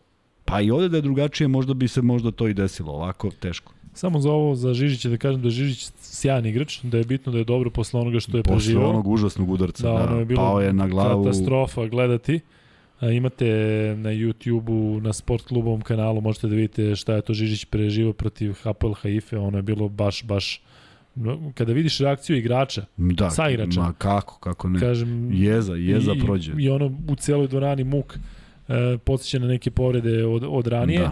Da. Piše da Nibo dolazi u, u Efes, što mislim da je velika greška Efesa, Nibo je prilično ograničen igrač koji je backup u Lovernju kada je zdrav u Žalgirisu, mislim da nije eventualna zamena za Danstona, ali evo ovde pišu da Nibo dolazi u Efes i to nije, nije neko. E, Matija 6, potpuno se slažem sa tobom, pitanje, ali verovatno onako pitanje na koje ne možemo da odgovorimo. Da li je moguće tolika količina mržnje između nas, pa mi smo isti narod, šta mislite, li moguće smanjenje tenzije ikada? Ja verujem da je moguće. Zato što svi u našem okruženju, pa i u porodici, vjerojatno imamo i navijače koji navijaju za neki drugi klub. E, ako može tu da se spusti tenzija, pa zašto ne bi mogli i na, na no, mislim, ja i ti znamo apsolutno ljude. Ma, e, kako da ne? Pa. I sad, znaš, treba da, da, da, ja se nadam da je moguće, zato što, kažem, znam divne ljude i koji navijaju za jedan iz drugi klub, a znam i loše ljude koji navijaju za jedan iz drugi klub, ali dobro. E, u Grčkoj su još gori derbi, pa ne vidim da su tamo, da se tamo mnogo kuka, a Grčka je neka kovlevka civilizacije. Da se kuka u kom smislu? Pa da se kuka u smislu da, da se podrazumeva, verovatno, da, da, da tamo treba da bude tih ludila.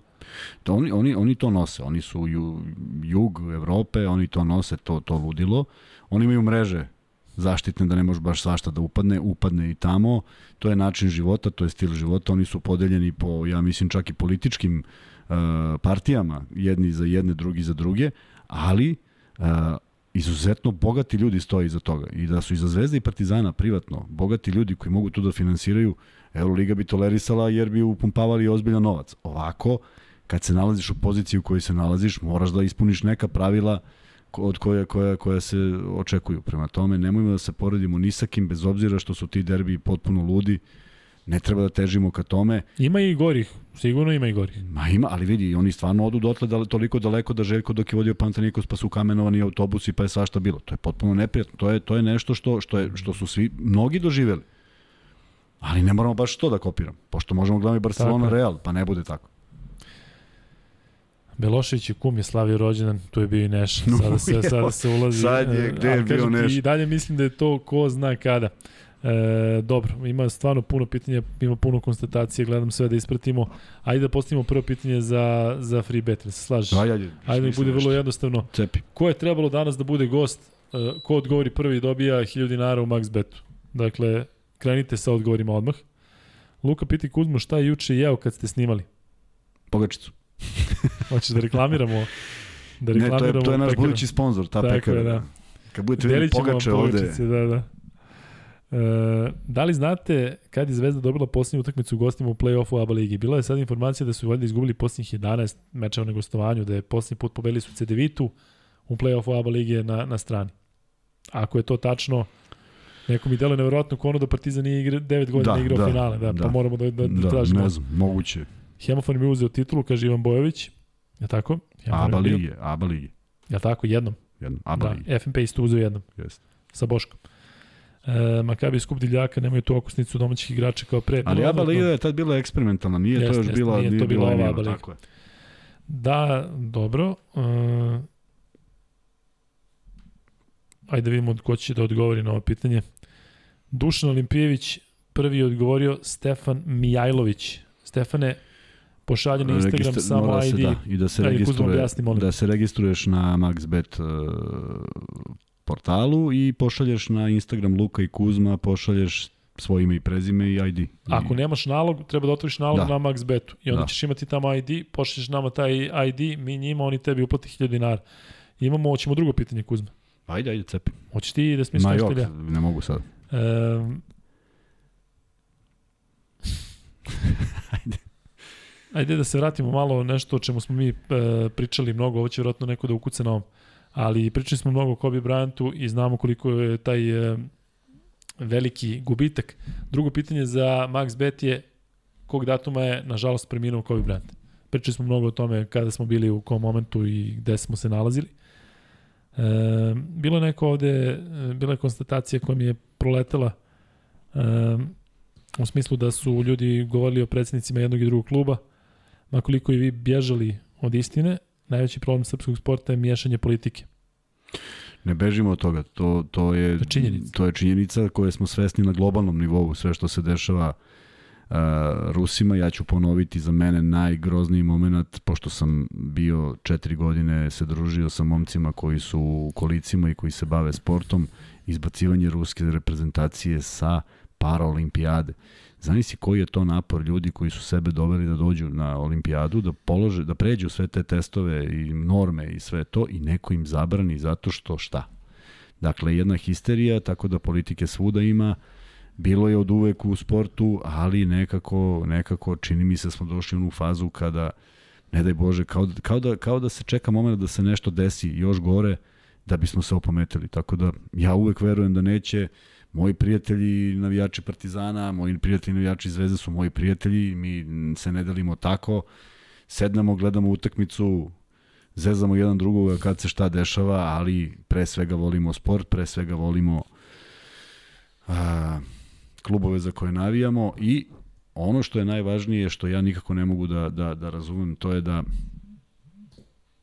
koliko si puta čuo da je da, da neko ne zna šta je bilo u prošlosti ili ili kaže ma to je bilo pre 30 godina kao to se ne računa kao računa se samo ovo što je sad pa i ovo sada će za 20 godina biti ono od pre 30 e, istorija koju je Zvezda pisala, koju je Partizan pisao, to je to je nešto neizbrisivo. Dakle, moramo da poštujemo te neke stvari koje su radile, a ne neko računa titula od prekjuče, a neko od nakjuče, nego prosto to su klubovi koji su obeležili 70 godina, 75, 77, koliko. Nagradu dobio Marko Zorić za Kobe zato što je prvi dao tačan i pun datum 26, 26. januar 2020. godine što se tiče Kobija. Koji broj patika nose Luka i Kuzma? Kuzma? 45, ja imam jako malo stopalo za košarkaš. 46, 47. S tim Da, ima što... neki, neki poklon. da, čekaj da vidimo. Ra. Pa mora možda da je su Ra, zato. da. E, Uh, veličina a si nosio nekada Adidas? Adidas, bre, jednom sam nosio Adidas 47 i 48 dve trećine. Ne, da neki mi je kalp. 45 jedna trećina, to je Ma, prvi broj. meni nešto, kažem ti, sećam se neki Adidas sam nosio. Ja sam kao- uvijek nosio Adidas, nikad nisam nosio Nike. Ovaj, Mnogo češće Adidas. Više imam veću nogu od tebe, to smo saznali sada u... Pa i više si od mene. To Koliko sam više? Koliko si više ti? 195. 195. Je li tako? Bio, ako se nisam zdudao malo. 197. Dakle, stvarno sam više od tebe. Um, hoćemo treće pitanje. Ajde. E, ja i Vanja ćemo naravno pričati o NBA ligi kada ovaj, Kuzma ispucamo free kući. betove i kada Večeras kad Kuzma ode kući. E, bilo je pitanje u vezi e, e, bilo je pitanje kako šta misliš kada bi recimo KLS igrali e, KLS finale igrali FNP i Mega. Kako je bilo? Šta Da. je bilo? Bilo bi odlično.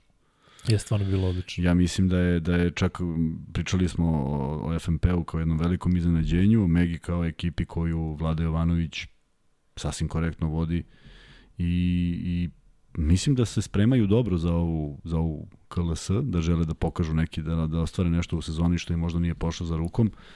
Tako da vidjet ćemo, očekuje nas interesantna ta završnica. Nažalost, dolazi posle ovog pika jako brzo i biće potpuno prazni igrači i Crvene zvezde i Partizana. Ne može taj naboj ponovo, nažalost moraće, ali bojim se da je to previše za jednu sezonu i onda sledi reprezentacija, tako da ajde da vidimo šta će da se desi. Kuzma, ajde još malo da, da neka naša pitanja u vezi ovoga što nas čeka. Um, šta očekuješ u četvrte utakmice konkretno u smislu ko ti je bliži pobedi, Partizan ili Zvezda? Ja mislim sve ukupno, kad pogledamo tri utakmice da je Zvezda pokazala više. I izvini, uzmi u obzir sada i ovo čišćenje što se tiče tribina. I mislim da tu neće imati neki pritisak, naravno ja sam neko ko je radio cele godine Euroligu Zvezde i zaista tvrdim kad Zvezda izađe sa tim nekim stavom, sa tim nekim nabojem, očekuje se dobra utakmica. Da li će da proizvede to i da li će uspeti da se motiviše, mislim, motiva ne treba da ne nedostaje, ali ipak je to četvrta utakmica i ako Zvezda nametne onaj svoj ritam igre koji ne mora da bude u nervozi i kad je Zvezda gubila u prvom polovremenu nisam video ništa vanredno da se dešavalo u ekipi, naprotiv i dalje su tražili dobru poziciju za šut, nigde nisu žurili, tako da ta igra koja je prepoznatljiva za Zvezdu, apsolutno daje rezultat. I ako je nametnu, a Partizan ne uđe u nešto što im daje neki lagodan mm, ritam, a to su pre svega šutevi za 3 poena, jer, kažem, majestralno su otvorili 4 od 5 za 3, faul i koš e, Pantera, već su bili na 15 u trećem minutu, dakle, zaista su ovaj, dobro krenuli, to se nije videlo do kraja utakmice. I do kraja utakmice nemaju vezanih nekoliko poena o, o, čistih iz nekih izrađenih situacija. Jeste Panter dao tu trojku i to, ga je, to je vratilo Partizan u život, ali generalno utisak mi je da Zvezda više zna šta hoće i naravno pitanje je da li će to Partizan dozvoliti. Imaju svoje svoje dobro oružje, imaju svoje uh, izuzetno kvalitetne pojedince i ono što smo pričali, iza toga stojim, igra Partizan igra na inspiraciju jednog od tih ili dvojice ili, ili više igrača, što ih je više to je bolje, ali generalno meni se, moj, moj, moje, moj afinitet prema košarci je igra zvezde, gde se ipak znaju pravila. Kada se zarotira petorka, gledali smo mnogo različitih petorki, ti opet znaš ko šta radi, ne iskaču iz svojih delova, Lazić radi svoje, Lazarević radi svoje, Davidovac radi svoje, dakle, mislim da se više stvari znaju samim tim što su igrani. Treće pitanje za Max Bet je sledeće. Verovatno znate svi i to često govorimo onako kroz podcaste da je Kuzma uključen e, već dugo u e, ajde da kažem, taj razvoj košarke, košarkaša u kolicima ovde kod nas. Kako se zove, pitanje, kako se zove klub koji je povezan sa Zvezdom, a gde Kuzma trenutno takođe... Obavlja funkciju svega i Tako je. Da, dakle, kako se zove klub košarkaša u kolicima koji je povezan sa Zvezdom, oni su uvezani imenom, je tako? I... Uvezani su imenom, aktualni su šampioni države od prošle godine i osvajači su bronzane medalje na u Sloveniji na nedavno završenom turniru NLB ligi. E, dakle, čekamo odgovor na to pitanje, to će biti treći Max Bet, imamo pet, je tako? Tri, tri. Tri, dobro, tri. znači to da, je poslednje. To je poslednje. E, uskoro, dakle, ja i Vanja pričamo o NBA ligi, ima i tu mnogo da se priča zato što kreće NBA serija. E, veliko finale, Singi Dunam, Crvena zvezda, e, tačno je odgovara uh, Stella Rosa. Stella Rosa javi se na... javi se nekim imenom da, i prezimenom. Stella, Ro, Stella Rosa zna. Uh, a pazi odgovor i dalje. Beočin, KK FMP, ima sada i tačnih Singidunum KKCZ. E, ovako, Luka Kuzma... samo, samo da kažem nešto, kad si već na toj temi. Momci se spremaju u Valjevu, idu na evropsko prvenstvo B divizije, koje je na programu od 14. do 22. marta. Ambicije Srbije koje je u grupi sa Letonijom, Irskom i Slovenijom je da zauzme drugo mesto u grupi, što nas onda svrstava među osam najboljih i opstajemo u B diviziji. Svi momci su u Valjevu, dobro se spremaju i ja se iskreno nadam da ćemo u tom nekom sastavu uspeti da odbranimo poziciju i da Srbija i dalje bude među 17-18 najuspešnijih nacija u Evropi, što je velika stvar iz prostog razloga što broj košarkaša u kolicima u Srbiji je zasigurno najmanji od svih e, ekipa sa kojima se suočavamo na tom evropskom prvenstvu. E, treba znate kada pričate tako o Kuzmi da je on, ne znam, nastoren ovako ili ne znam šta, vi kojih ima malobrinih, op, koji to opet radite sa, sa, sa nekom dozom, ajde da kažem, korektnosti. Nije, nije zaista bilo nekih... Ne, ne, nekih, ne, ne, da. ne, zaista nije. Ali kada mislite da je onako subjektivan i da je pristrasan ili ne znam šta, Dakle, Kuzma, imam tu sreću da ga poznajem prilično dobro, emocija sa kojom radi to sa košekašima u kolicima je nešto posebno i hiljadu puta smo pričali, ja stalno ističem to, ne znam da, da iznesem oni podatak koji smo iznali na sastanku sa sponzorom, kada su nam tražili da radimo neki podcast, pošto da im objasnim, da objasnim našim gledalcima koji ne, nisu. Ne, ne, A, ne, bolje ne, ne, ne, Dobro. E, Dojte, neću. e, ja hoću da ti, da ovo, ali dobro. Nema veze. E, Partizanu je bolje da Kalinić daja, da se ostatak ekipe zatvori koliko toliko. Šta misliš? Ako je moguće, da, naravno, ali nisu, nisu ni Ivanović, ni Mitrović, ni Holins e, podbacili u ovim utakmicama. A ipak je Panter i Leda i neko ko je, ko je najviše uz Avramovića, koji je najviše dao. Ovo ostalo je sve bio bljesak na po jednoj utakmici. Ovi su mi nekako konstantni i kažem, e, zna se šta radi kad ne postižu poene. Luka, šta kažeš na to da je CSKA posle bog zna koliko godina izgubio finalu VTB ligi? Um, nije realna ova situacija, ovo sve što se dešava u Rusiji, dakle, znamo koji su igrači otišli, koji nisu, dakle, ovo nije realno stanje stvari, pričalo se i da i Tudis odlazi, da će ići u Fenerbahče, svašta se priča i onda u tom odnosu snaga, mislim da čak i u CSKA, ovo kada vidimo šta izjavljava Tutin, mislim da ima apsolutno nije akcenat na domaćem prvenstvu, zato što se ne zna šta to prvenstvo donosi ni kod njih, niti šta će biti kasnije, tako da ne čudi me. Evo, ovo me recimo u, u, u Izraelu jako začudilo, zato što Makabi ima toliko bolju ekipu od ostalih, ali recimo neki potezi Derika Williamsa juče. Dakle, momak koga kunem ti se da postoji Kuzma ona varijanta da kazniš igrače, da ih kazniš sve sa po 200.000 dolara. Znaš ti kakav je on odnos? Wilbekin. Znači, kada ti trebaš sad da pokažeš da si veliki. E, to je, to je. na e. minus 20. E. A ne kažem ti Williams koji je, sad on je Činano on ovako ga provocira, lakat tačno nešto i ovaj uzme gurne ga, dobije tehničku namenu, bacanja za ovog ovih, mislim on je čovjek izvodi onako bacanja ako korać, kao Rick Berry, on inače takvu tehniku ima, ali deluje kao sprdnja. Čovjek ima 10 takvih bacanja, baca, kažem ti, onako između nogu, onaj granny style, kažem ti, baš mi bilo neprijatno, ali ajde počne to što, odnosno završi to što ne, si krenuo. Ja sam kažem da upravo zato kad pričamo o velikim igračima, ja ih zaista nabrajam na prste na jedne ruke, možda dve jer nemaju, nemaju taj odnos. Nikad se ne foliraju. Igraju sve kad treba. Igraju, igraju za tim, igraju srcem, igraju bez foliranja. Uh, rekao si Vilbekin, koji je majest, izuzetan igrač, ali jel on donosi nešto zaista? Kad kažem da li donosi, pošto nije prvak uh, Izrael. Ne mora da bude prvak Euroligi. Vraćamo se na ovu priču Pulen, Omar Cook. Fantastični individualci. Šta su doneli oni svojim timovima? Jesu ti u istoj ravni Pulin i Omar Cook? Ma jesu, zato što nisu, ne deluju mi kao pobednici. Da li me razumeš? Ja hoću da uzme neko titulu od njih, da vodi svoju ekipu do titula. Omar Cook je, mislim da je, da je ima, da je malo širi onako od Pulen. Deluje mi. Da je su drugačiji tip kažem. igrača. Drugačiji je jesu, ali... asistencije, ali... ovaj gleda, kažem ti, ka košu, drugačiji tehnike šuta i sve, ali Omar Cook, šta znam, možda greši, možda, možda ja ovaj, drugačije gledam na njega, ali nekako mi taj period kada je igrao, mi čerka mu se rodila ovde, mi sad se imali smo nešto, pričali smo par puta, delo mi kao, kao tip koji je shvatio tu emociju sa kojom treba da igra ovde u Zvezdi, možda nije bio u stanju da, da pruži ovaj, kao, koliko se u njega očekivalo, šta znam. E, Luka Kauzma, pitanje za oboje, a kasnije ćemo, u stvari, uključit ćemo odmah Vanju da i on kaže E, svako da da svoje mišljenje. Da li je Jordan napravio faul u napadu nad igračem Jute, taj igrač je Brown Russell, za titulu Chicago za mene jeste koje je vaše mišljenje kao veliki navijač Jute Jazz. Znaš kada je... Ono, ma kako, ma, ja pa mislim to ću braniti do, do kraja života. Faul, miš da je on pao zato što ga je ovaj gurnu. Onaj kontakt u... u kada ga gurne po zadnjici. Ma kak. Ma pao je zato što se okliznuo. Brian Russell... A ovo ne, nema, to, to, to, je, to je, mislim... Je li bio faul, Vanja? Da je bio neko drugi, možda bi bio Tako je, kako, to, tako se ja mislim. Upravo.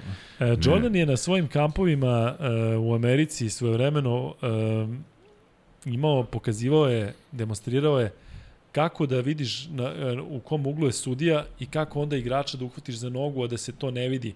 E, I baš je govorio o tome kada jedan sudija tamo, jedan tamo, a možda imaš igrač i tačno da ga povučeš toliko da ti dobiješ možda 10 cm kojih mogu da budu značajni. I to nevjerojatno zvuči kada jedan Jordan radi. Ali da vidiš koliko je on ulazio u, u, u te detalje, e, da, da dobije 5 cm u odnosu na defanzivca tako nekim prljavim potezom, prljavim, ajde da kažem prljavim koji, koji nije faul. Što kaže Vanja, svirati faul Jordanu, ne znam koji bi sudija smeo da svire faul, onda da izmeni ono istoriju NBA košarke. Ali dobro. E, Muri klasa za Madara.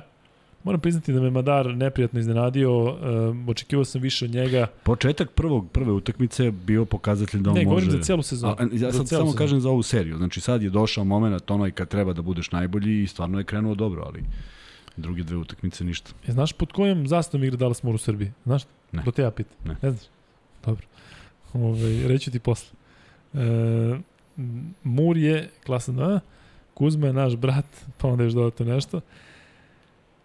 Da li mislite da Navels i Buku i Zundu imaju u mestu u KKC za sledeće sezoni i šta se desilo sa Bryce Johnsonom iz FNP-a pa je otišao? Znaš zašto je otišao ovaj...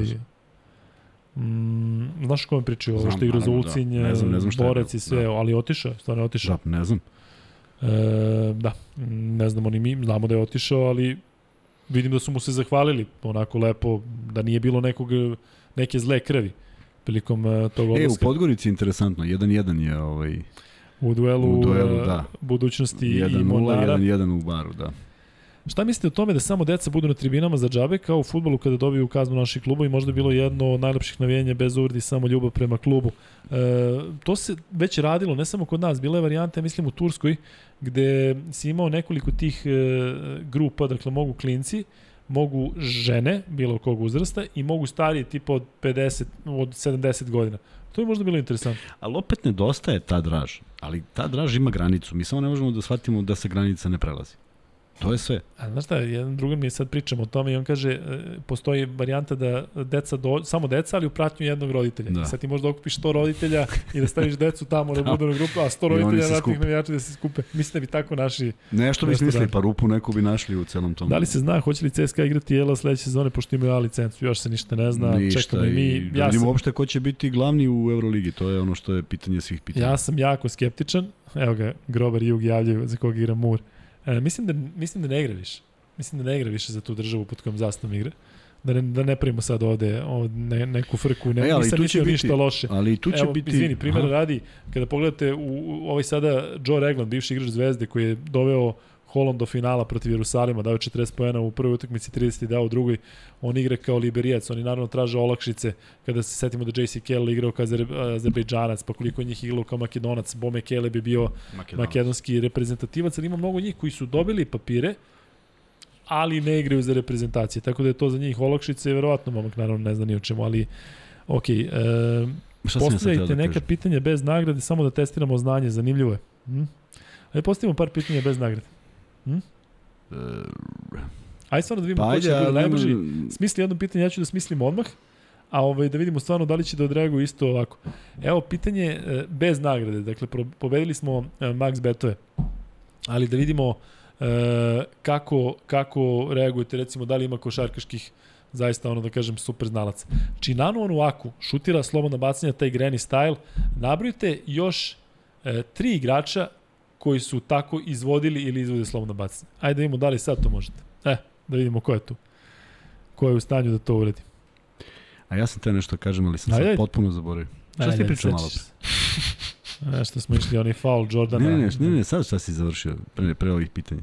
Šta si uopšte pričao? Mur. Mur. E, državljanstva ja različitih država. Ja sam onda da kažem... Makedonac, Azerbejdžanac, ne vredi. Bome Caleb, Ništa, a? Ništa, ništa. Kako ne, ne, ne zvoni zvonci. Moraš da imaš ispred sebe nema, notis. Nema ring bell. Ili da urežeš, pa da ti, da ti gaš. Ne morat ću da zapisujem više, imam papirče ovde. E, da se podsjetim. To. E, Zadar. To je to, dobili smo poruku Zadar. Korać, Farčić, Veljko Jest, to Veličković. Je, to je e, bravo, Veljko Veličkoviću. Za Koraća znamo. Bravo i za Luku, bravo i za Ognjena. Svaka čast. Tako da... E, Lepo je, lepo je kada tako, tako ima Korać, isto Bane odgovara da Korać je, ajde da kažem, zicer što se toga tiče. Imamo ovde, sad na, ove, na ovo pitanje bez nagrada, čini mi se da imamo više govora. Bravo, Petar Igberry. Da. E, ali mislim da je vreme da pređemo na NBA, što ne znači da će biti kraj podcasta, zato što ćemo i ti na kraju još da pričamo malo, pošto će se verovatno pojaviti neka pitanja. Možda odmoriš malo? Tebi, tebi. Možda odmoriš malo? Ajde, nastavite. Ubaciš se ja kad ostim potrebu. E, sada krenite iz pita pitanja u vezi NBA lige. Dakle, došlo do finala između Boston Celticsa i Golden State Warriorsa, uključujemo naravno i Vanju. E, Vanja, kad kreće serija? Večeras. U koliko sati? Mislim da je u 2.30. I meni se čini da je taj neki ono, ne, ne toliko zapadnjački termin. Ali dobro, e, krećemo, dakle, pričat ćemo naravno samo o toj seriji, ne bih se više vraćao na ono između Bostona i Majamija. I to smo absolvirali Golden State je, Golden State je završio već uveliko svoju priču. Korać, Rick Berry i onaj treći centar iz Zadar prošle sezone. E, Korać, on u Aku Berry. Dobro, ljudi lepo odgovaraju. Vanja, e, mnogo se priča o tome da li je e, Boston taj, ajde da kažemo, old school stil košarke, gde se više, da se akcent stavlja na odbranu, gde se igra više timski i imaš Golden State koji je e, ekipa koja igra, ajde da kažem, u tom nekom novom ritmu sa mnogo šuteva za 3 poena. E, šta tebe, e, šta ti više voliš da gledaš? Takav Golden State ili ovakav Boston? Ovako Boston. Zato što imaju i elemente igre Golden State-a. Golden State je više finesse ekipa na brzinu te razbiju, pogotovo kad idu i pull i kari dole u, izme, ispod koša, pa čak i ukrste nekada. Jeste, jeste, da. Nije, to nije, nije Golden State samo Tako to je. što izgleda na, prv, na prvo, pritom Golden State igra jako dobro odbranu. Igra, Da apsolutno. pritom imaš Draymonda Greena, imaš nekoliko, kažem ti, Kevin Looney, za mene igra, kažem ti, vrhunsku odbranu u nekim trenucima, a da ne govorimo o Draymond Green. Ode nam Kuzma. Ajde, putuje Igo mene. Ajde. E, koliko traje podcast? Koliko smo već u podcastu? Uh, sat i 45. Dobro, ajde da prebacimo ima. dva sata, pa će da... da Ma, pa da i za Boston, ovo je za Golden State zapravo najteži protivnik. Jer ako gledamo, Boston ima dve, jednu super zvezdu, jednu zvezdu, to su Tatum i to je Brown. Igrali su protiv Jokića, Golden State Warriors prva runda, samo Jokić. Samo Morant koji se opet i povredio, samo Dončić. Ovo je sad već neka druga vrsta problema da ćeš stvarno morati timski da igraš odbranu protiv više ozbiljnih igrača kao što su Brown i Tatum koji sami stvaraju za sebe poene, konstantno. Te, te ekipe koje, koje uh, pominješ da ih je Golden State pobedio, nisu imali u svom uh, u svojim redovima nisu imali igrača tipa Al Horford. Dakle neko ko je ćale na terenu. ko je ćale na terenu. Tako da vratio nam se Kuzma ako, ako, nam se. ako ste eventualno mislili da je otišao. E, dakle, upravo si. Mislim da Boston ima mnogo više oružja od svih timova protiv kojih je Golden State igrao, zato što e, Jokić, Morant, jasno ti je odakle, jako Memphis ima dobru ekipu, ali e, koliko recimo za Golden State može da bude plus što su oni ovde bili toliko puta, a Boston realno nije bio ni blizu ovako nečega. Pa to je najveći plus u Belju. Ovo iskustvo koje imaju pre svega Steve Kerr i tri od Draymond Green, Thompson i Kari, to će biti presno. Ja i dalje mislim da će Boston pobedi u šest, ali, ovo- ali zato što je, su tako se iskreno, postavili. ne navijački, da će biti 4-2 za Boston. Da, da, pa ne volim ja Boston generalno. tako da je ovo... Zato što i Boston je isto imao malo lakši put, ali opet teže protivnik. Imao je Brooklyn na početku, posle Milwaukee bez Chris Middletona, imao je Miami koji falio Hero, Butler bio malo povređen, Lauri isto nije igrao, i- ali su opet imali teže protivnike. I deo mi da su bolje uh, ok, m, sklopljeni da se da pariraju u Golden State-u. Jer inače Marko Smart za ovih 8 godina od kad je u ligi, od kad on čuva Karija, primarni defanzivac, Kari šutira iz igre 29%. Iz igre, ne za 3. Takođe vidite i to je teza Karija koji znamo da u, u NBA finalu jako je bio odličan, nikad nije bio uh, MVP finala. Da. Tako da on u prvih 3-4 sećam se i povuče. Iguodala i već- Tako je, povuče, ali poslednji 5, 6, 7, pogotovo 2016. prosto mu opadne igra. Jeste. Tako da ćemo vidjeti kako će ovaj biti test, ali ja mislim, ako Golden State uzme, to će biti zbog Clay Thompsona. I njegov oporavak koji nije igrao čovjek skoro hiljadu dana, da se vrati u približnom nivou koji sad igra je stvarno za Ne, svaku... fascinantno. I ono zakucavanje, kad je zakucao, nisam verovao da kad je zakucao ono nekoliko utakmica nakon što se vratio posle onakve povrede, kažem ti, mene je zabolao kad se podigao. Da li Smart može večeras da ustupuje, uštupuje Stefa, to si rekao, i koliko Wiggins može da prati Tatuma? i Wiggins i Otto Porter i Kuminga, svi su to defanzivci koji imaju 6-5 minimalno visoki, kaže 6-5 to je 195-6 najmanje, duge ruke, fizikalni atlete koji mogu i Tatuma i Browna uz, pom uz pomoć Greena. To će biti ključ za Golden State kako, jer imaju više tela da bacaju na ovu dvojicu. Da konstantno se rotiraju i da ne bude do, uh, do, ne bude do umora kod pojedinaca.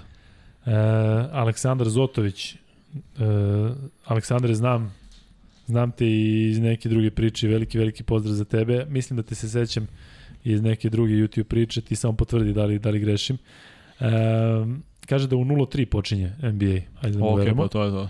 E, šta mislite o match-upu Robert Williams, Kevin Looney? Potpuno drugačiji tip igrača, potpuno drugačije godine, oba igrača limitirane što se tiče leđene tehnike i kreiranja pojena za sebe, koji je korisniji za svoj tim i zbog čega.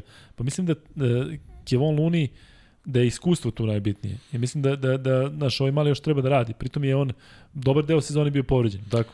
Pa bio je na kraju povređen ovaj poslednjih da. od marta, ali je dosta značio kao defanzivni stup zapravo za Boston. Kuzma Sve nešto vreme. slika umeđu vremenu. Pazi, imaš pitanje Kuzma. Kuzma, da li misliš da je ovo Boston, Bostonov bljesak i da li će sledeće godine biti bolji Idemo Ja uživo, čekaj, gori. idemo uživo i na ovome, na Šta na. Instagram? E, e, mnogo pocenjen, Šta si me pitao? ali meni pitaju te da li će Boston biti bolji ove godine ili sledeće, mislim da se Ognjen Radivojević šali. E, Ognjen Radivojević Da. pita to. Ognjene, Kuzma. bolji. Hvala Kuzma. E, smart versus Green. Slušaj šta ti kažem. Vanja. Šta Sa ko očekuješ je bolji? Pa Ne, nego Smart versus Green u smislu, mislim samo tako... Mislim da je Green zna, značajniji za Kako svoj tim. Više doprinosi. Ej, i- još idem uživo, nisam isključio. Više prosto doprinosi i bolje asistira i bolje i ima, um, ima momente prenese loptu, ne kažem da Smart to ne ume, jer Smart de facto playmaker, ali prosto, evo, e, se vidi sad Kuzma? Vidiš se, da. Tako. Ali prosto je Green uh, raznovrsni igrač. I mislim da i zbog iskustva prvenstveno do, više će doprineti nego sam Smart koji je i, i zbog svoje visine i limitiran do nekle, ali će on pr primarno juriti iz karija. Dok Green može da čuva i Browna sigurno će preuzimati i na Tatumu i na Horfordu, prosto više igrača može da čuva. E, vraćamo se sad malo unazad, zato što da je Hero bio zdrav, sad bi gledali Miami u finalu.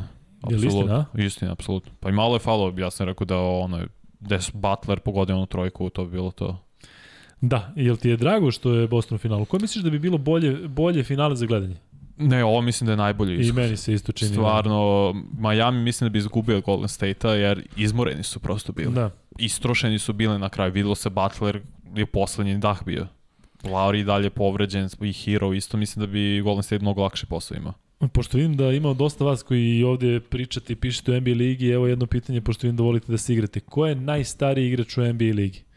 Dakle, eto pitanje za vas, pa da vidimo ko, ko će da odgovori. Koliko će Smart imati prostora protiv Stefa? U smislu, Ofanzivno. pa da, očigledno.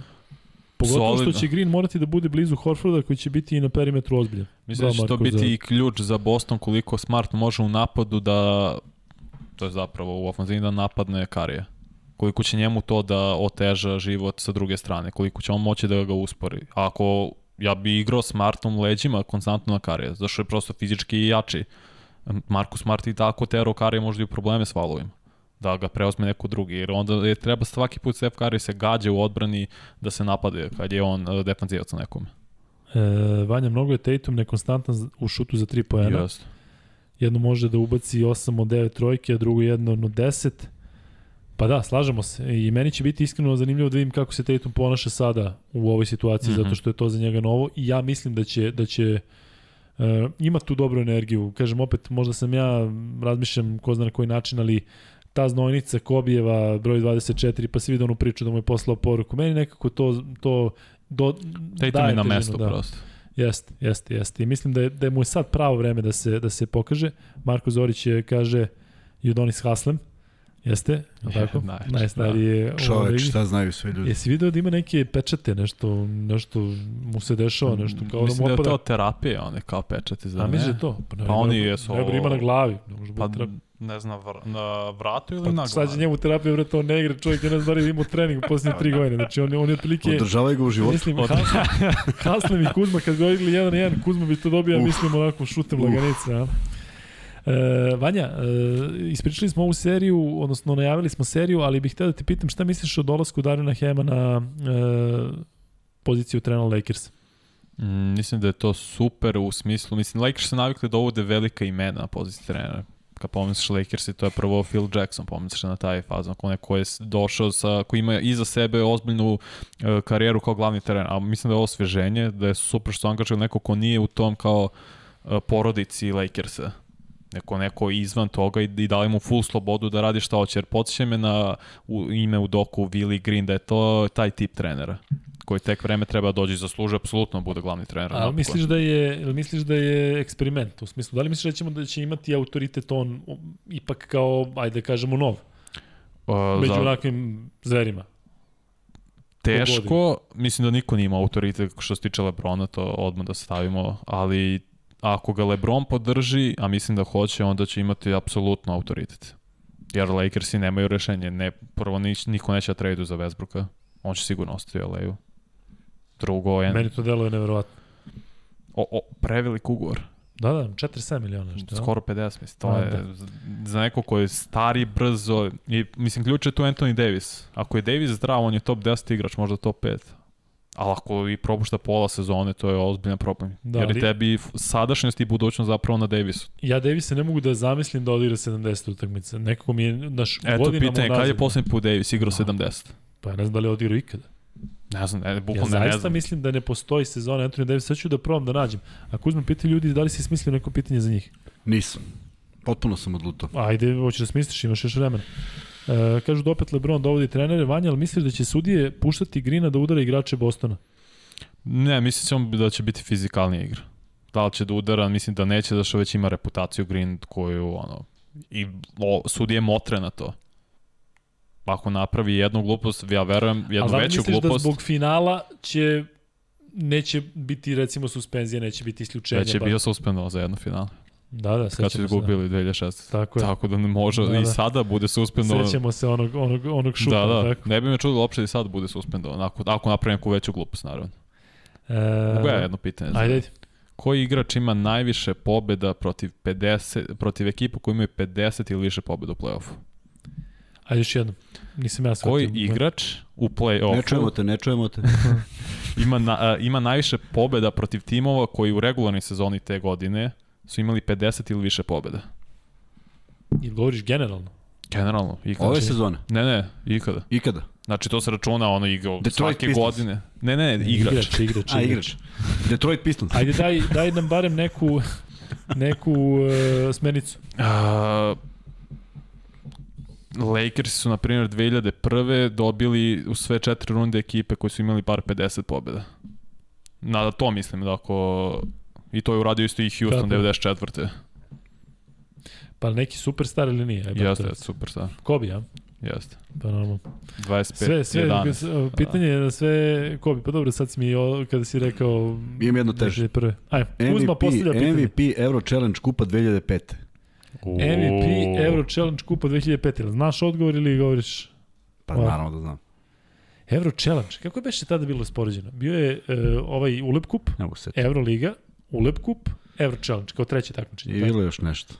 Ne Ja znam da to bilo treće. 2000? 2005. Novice Veličković. Mak, Novica Veličković. Je Novica nešto u Turskoj, sećam se da je bio nešto kao Euro Challenge nešto. E, s kim se ja družim, majko moje.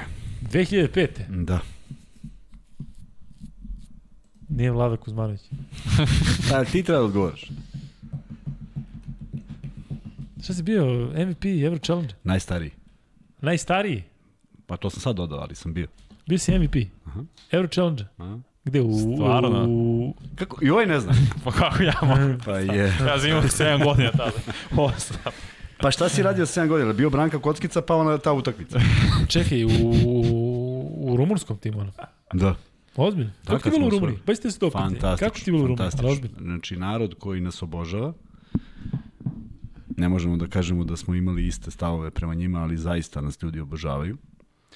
Imaju izreku, imamo prijatelje samo Srbe i Crno more. E, dočekani smo fenomenalno, živjeli smo u jednom malom mestu, malo, 200.000 ljudi, to nije baš za Rumuniju malo, s obzirom ima 24 miliona. E, pratili su utakmice, mi kad Kako smo to uradili-? Pa da, Ase Soft se zvao, Ase Soft iz Ploještija. ne postoji više. Pa da, ugašeni. Oni ugašeni Ugašeni, nešto da. preko, za jedan dan je ugašen. Došto su došli i rekli, Nešto se više ne. dešavalo, da, da, nešto, ne znam, to je već godinama da. kasnije, ali je vrlo interesantno da su pratili i sad najjača fora je kad smo mi postali zaista prvaci tog Euro Challenge kupa, da su skandirali svi u hali prvaci Evrope, jer Rumuni baš nisu dobacili do, do ostalih takmičenja, Euroliga se nije prenosila, niti je bila interesantna, tako da smo mi zaista doneli nešto novo i to je bio jedan lep dan zato što je parlament prestao sa radom da bi nam čestitali, to se baš ne dešava često. Tako Ali da napredovala je Rumunska liga u smislu Mislili smo E, da će napreduje, para. jeste. Pa da, ali su, ali su čudno trošene i pravljene neke egzibicije. Mislim, prosto je neverovatno da da se graniče sa nama, a da nisu upijali to neko košarkaško znanje decenijama, znaš. Zvuči nevjerojatno. I ali su okrenuti individualnim sportovima. Znači, u jednom momentu na olimpijadi su bile tri rumunke, pa jedna bila suspendovana zbog nekog nedozvoljenog ne, neke kapi za nos, ali u individualnim sportovima su bili maestralni i vrlo je vrlo su, znaš, po gradovima postoje dvorane, to se još uvek dosta onako, znaš, iz onog soc realizma, ali ali dalje funkcioniše i dalje imaju prilično uspeha u tim individualnim sportovima. Fudbal je naravno broj 1. Odbojka im je dobra, vaterpolo, a, gimnastika. raste broj uh, uživo korisnika od kad ti pričaš rumunsko ili idemo dalje. E, Idemo dalje. e, ne, ali ozbiljno. A ćete Jesi nešto o, naučio? o Lichtensteinskoj ligi? o- A što, što tako za Lichtensteinsku ligu kad uopšte nije? Dosta je kvalitetno, da. E, da li si naučio neki, neke psovke na rumunskom jeziku? Ne, pa te, to, Nisi? to meni, pa naravno da jesam. Ali Možeš vidi, da je? Šta ti pomoći? hoćeš da ti kažem jednu, hoćeš da ti kažem jednu anegdotu koju Rumuni Ajde. vole da prepričaju. Ajde. Ovaj, e, e, e, muški polni organ se naziva, sad ćete shvatiti kako. Dakle, bila je ta kompanija ru, rumunska Tarom koja je vozila, letela za Pulu.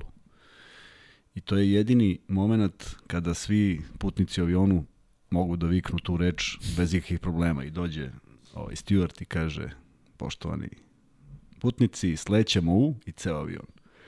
Pula! Tako da je valjda jasno kako se ovaj izgovara. A šuć ništa? Ne, nisam. ne, Vidi, ja sam volao naučiti nešto konkretno, na primjer, e, kako, kako, kako sam naručivo hranu, čekaj. Muski devita, kučuperčiš i mirodeni. U I dobijem tako dobru klopu, ej. Evo, 20, 20 korisnika još ima, iz Rumunije, direktno iz Bukurešta. Jeste, zezaju se.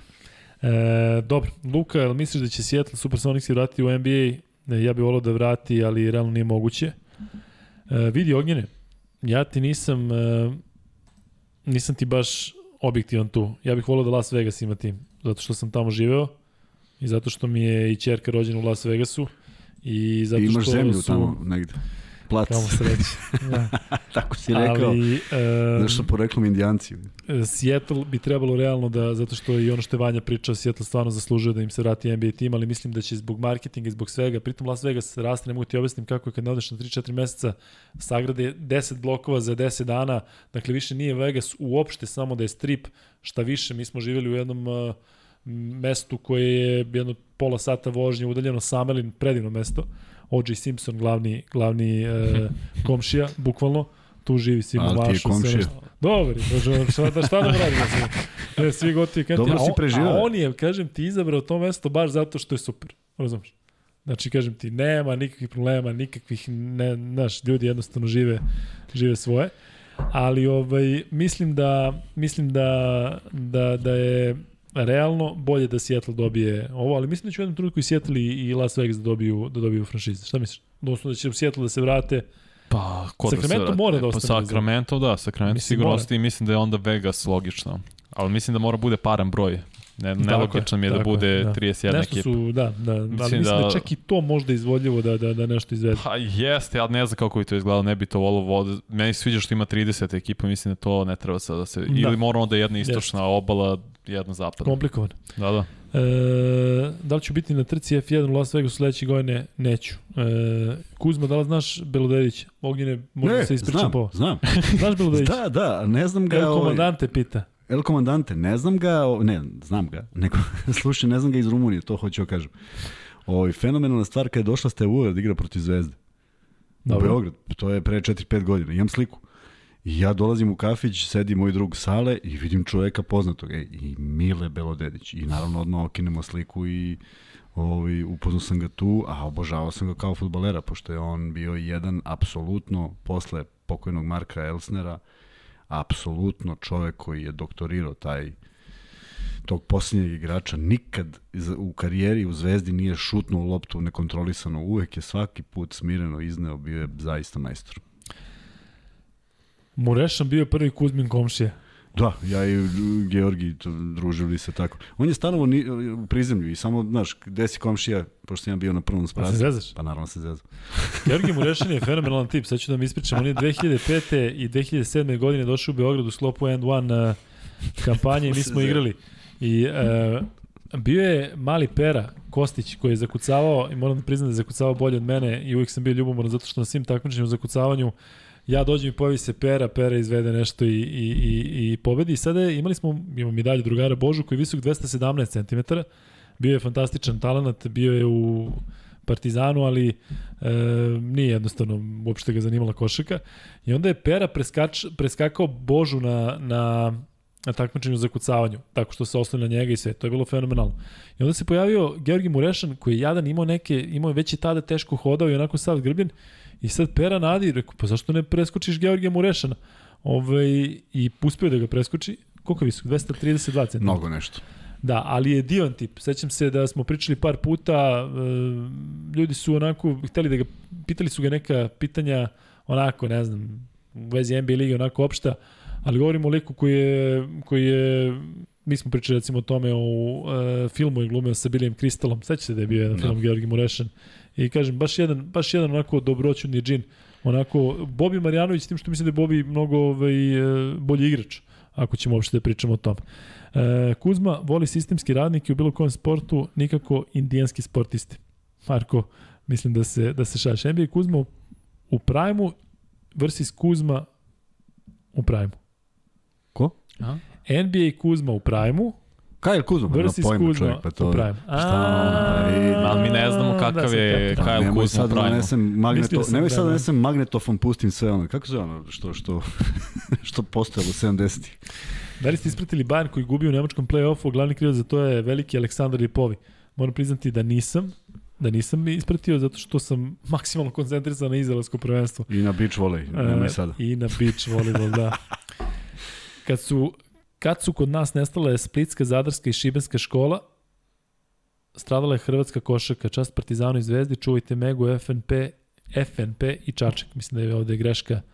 Ali dobro, mislim Kuzma da je i vreme da mi privodimo ovu kraju, a? Pa da, jeste, pošto je ovaj, već pola 12, malo se izvinjamo, malo se izvinjamo, ponovno se izvinjamo što malo zakasnili, opet su to bili razlozi e, pre svega tvoje obaveze, a i neki moj dnevni ritam. E, vidimo se u ponedeljak, pričamo, utakmica je sutra i kada je peta utakmica? Peta utakmica bi trebalo da se igra petog. A, Nedelja. petog ili šestog? E, petog. Peta utakmica šestog. U Šestog. ponedeljak. Tako je, da. E, tako da, e, ništa. Vidite ovako, e, Ali imamo li u- Vanja možda mogućnost da radimo utakmicu odavde? A kad je utakmica? Pa Koja? biće pet, e, pet, ako bude pete, naravno, mislim. Pa u, u, koje, u koliko sati je to? Pa cenim da je 7 ili 8. Pa teško, tad je već Vision Go u Da. 9. Dobro. da pitamo više go da... A šta ćemo da ih pitamo? pomere. Samo ćemo da promenimo bravo. Ne, ne, da, samo ćemo da sedimo i kao... Šta je bilo, da, momci? da, kako, kako da I kako to- da nas dignu, ajde. Vision Go su carevi, ja sam imao priliku da gostujem tu kod njih u, u njihovom ovom i zaista, mislim, momci su Ma drugari kako ne. i e, Od prvog dana vidite, da. na, na sport klubu. Na Tako je. usluzi.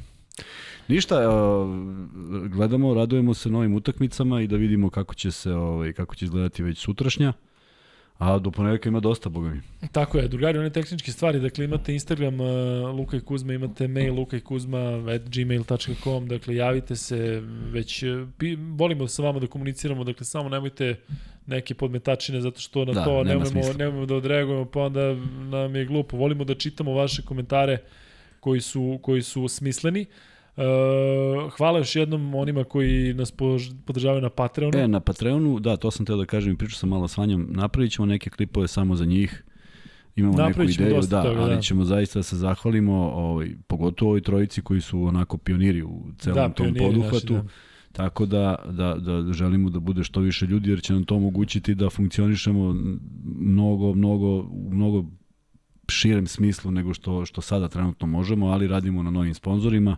Imaćemo možda i neku vest od sledeće nedelje, prema tome Da, radimo na tome da ovo bude još lepše, još bolje, a imat ćemo stvarno jako zanimljive goste i ja moram priznati da jedva čekam taj moment kada ćemo imati gosta u live-u, zato što to opet dobija neku novu Tako je. dimenziju, a kažem, imat ćemo zaista atraktivne imena, pregovaramo sa dosta njih, moramo da sačekamo neke njihove termine, naravno moraju da završe ljudi sezone, ali e, Kuzma, od 1 do 100 hoćemo imati Nebojšu Čovića i Ostoju Mijailovića zajedno. Zajedno ne verujem, a pojedinačno bih voleo da ih, da ih imamo u istom ovakvom maniru, u istom ovom razgovoru. Ovaj, e, Ma imat ćemo ih i zajedno. pa Mislim da ih ne vučemo, da ovaj kao dođe jedan, ovaj da sedi. mo, možemo da, mislim, možemo, apsolutno ja sam za to da probamo, ali... Ali sve zaista, ne, ne, ne šalim se, sve u cilju Samo toga. smirivanja ovog. Možda Samo između, toga. kažem ti da između uh, AB, ABA serije i KLS serije uh, taman da se malo te tenzije smire. Da neko ne strada, kažem ti, vidjet ćeš ovo, se, ovo može da se završi tako što će stvarno neko sledeći put dobiti udarac u glavu i, i I skupit će ga se- sa, da. sa ovog. I onda, I onda kažem, će se desiti još nešto gore, neko će doći preseći sve i onda će se igrati bez publike, što Tako je. posebno, što pogotovo nema nikakvu draž. Prema tome, nadam se da toga neće doći, ali evo, kažnjeni su jedni i drugi, vidjet ćemo u stvari da li su Da, drugi kažnjeni da. s obzirom da se igra četvrta utakmica i vidjet ćemo kako će stvari odvijeti. E, Ali nadajmo se da će sve biti u redu. poslednje put, pitanje je Ognjena Radivojevića koji je očigledno neki insider Kuzma, ali gledaš kolju njegove futbolske utakmice ili ne? Piše. Ogi? Radivojević. Futbolske utakmice gledaš? Gledam. Eto. Ja sad razmišljam koja, možda sam po, pobrkao nešto. I Znam Ogi, ali ne znam da li se preziva Radivojević. E, dobro, drugari, Daj to je sliku, to. daj da adresu. Sad ćemo. E, drugari, vidimo se u ponedljak, imat ćemo dosta iznenađenja za vas i dalje stoji da Olimpija dolazi u, U četvrtak. u četvrtak, tako da Tako stoji. osim ako vam se ne javimo opet ispred pekare da Kuzma jede, nadam se da nećemo. Imajte razumevanja zato što je trenutno takva situacija da se svašta dešava na, na nekim relacijama, tako da je potpuno opravdano. Momak je prva liga i, i nadam se da ćemo ga ugostiti već za nedelju dana. Toliko što se tiče 35-ice, u ponedljak 36-ica, veliki pozdrav.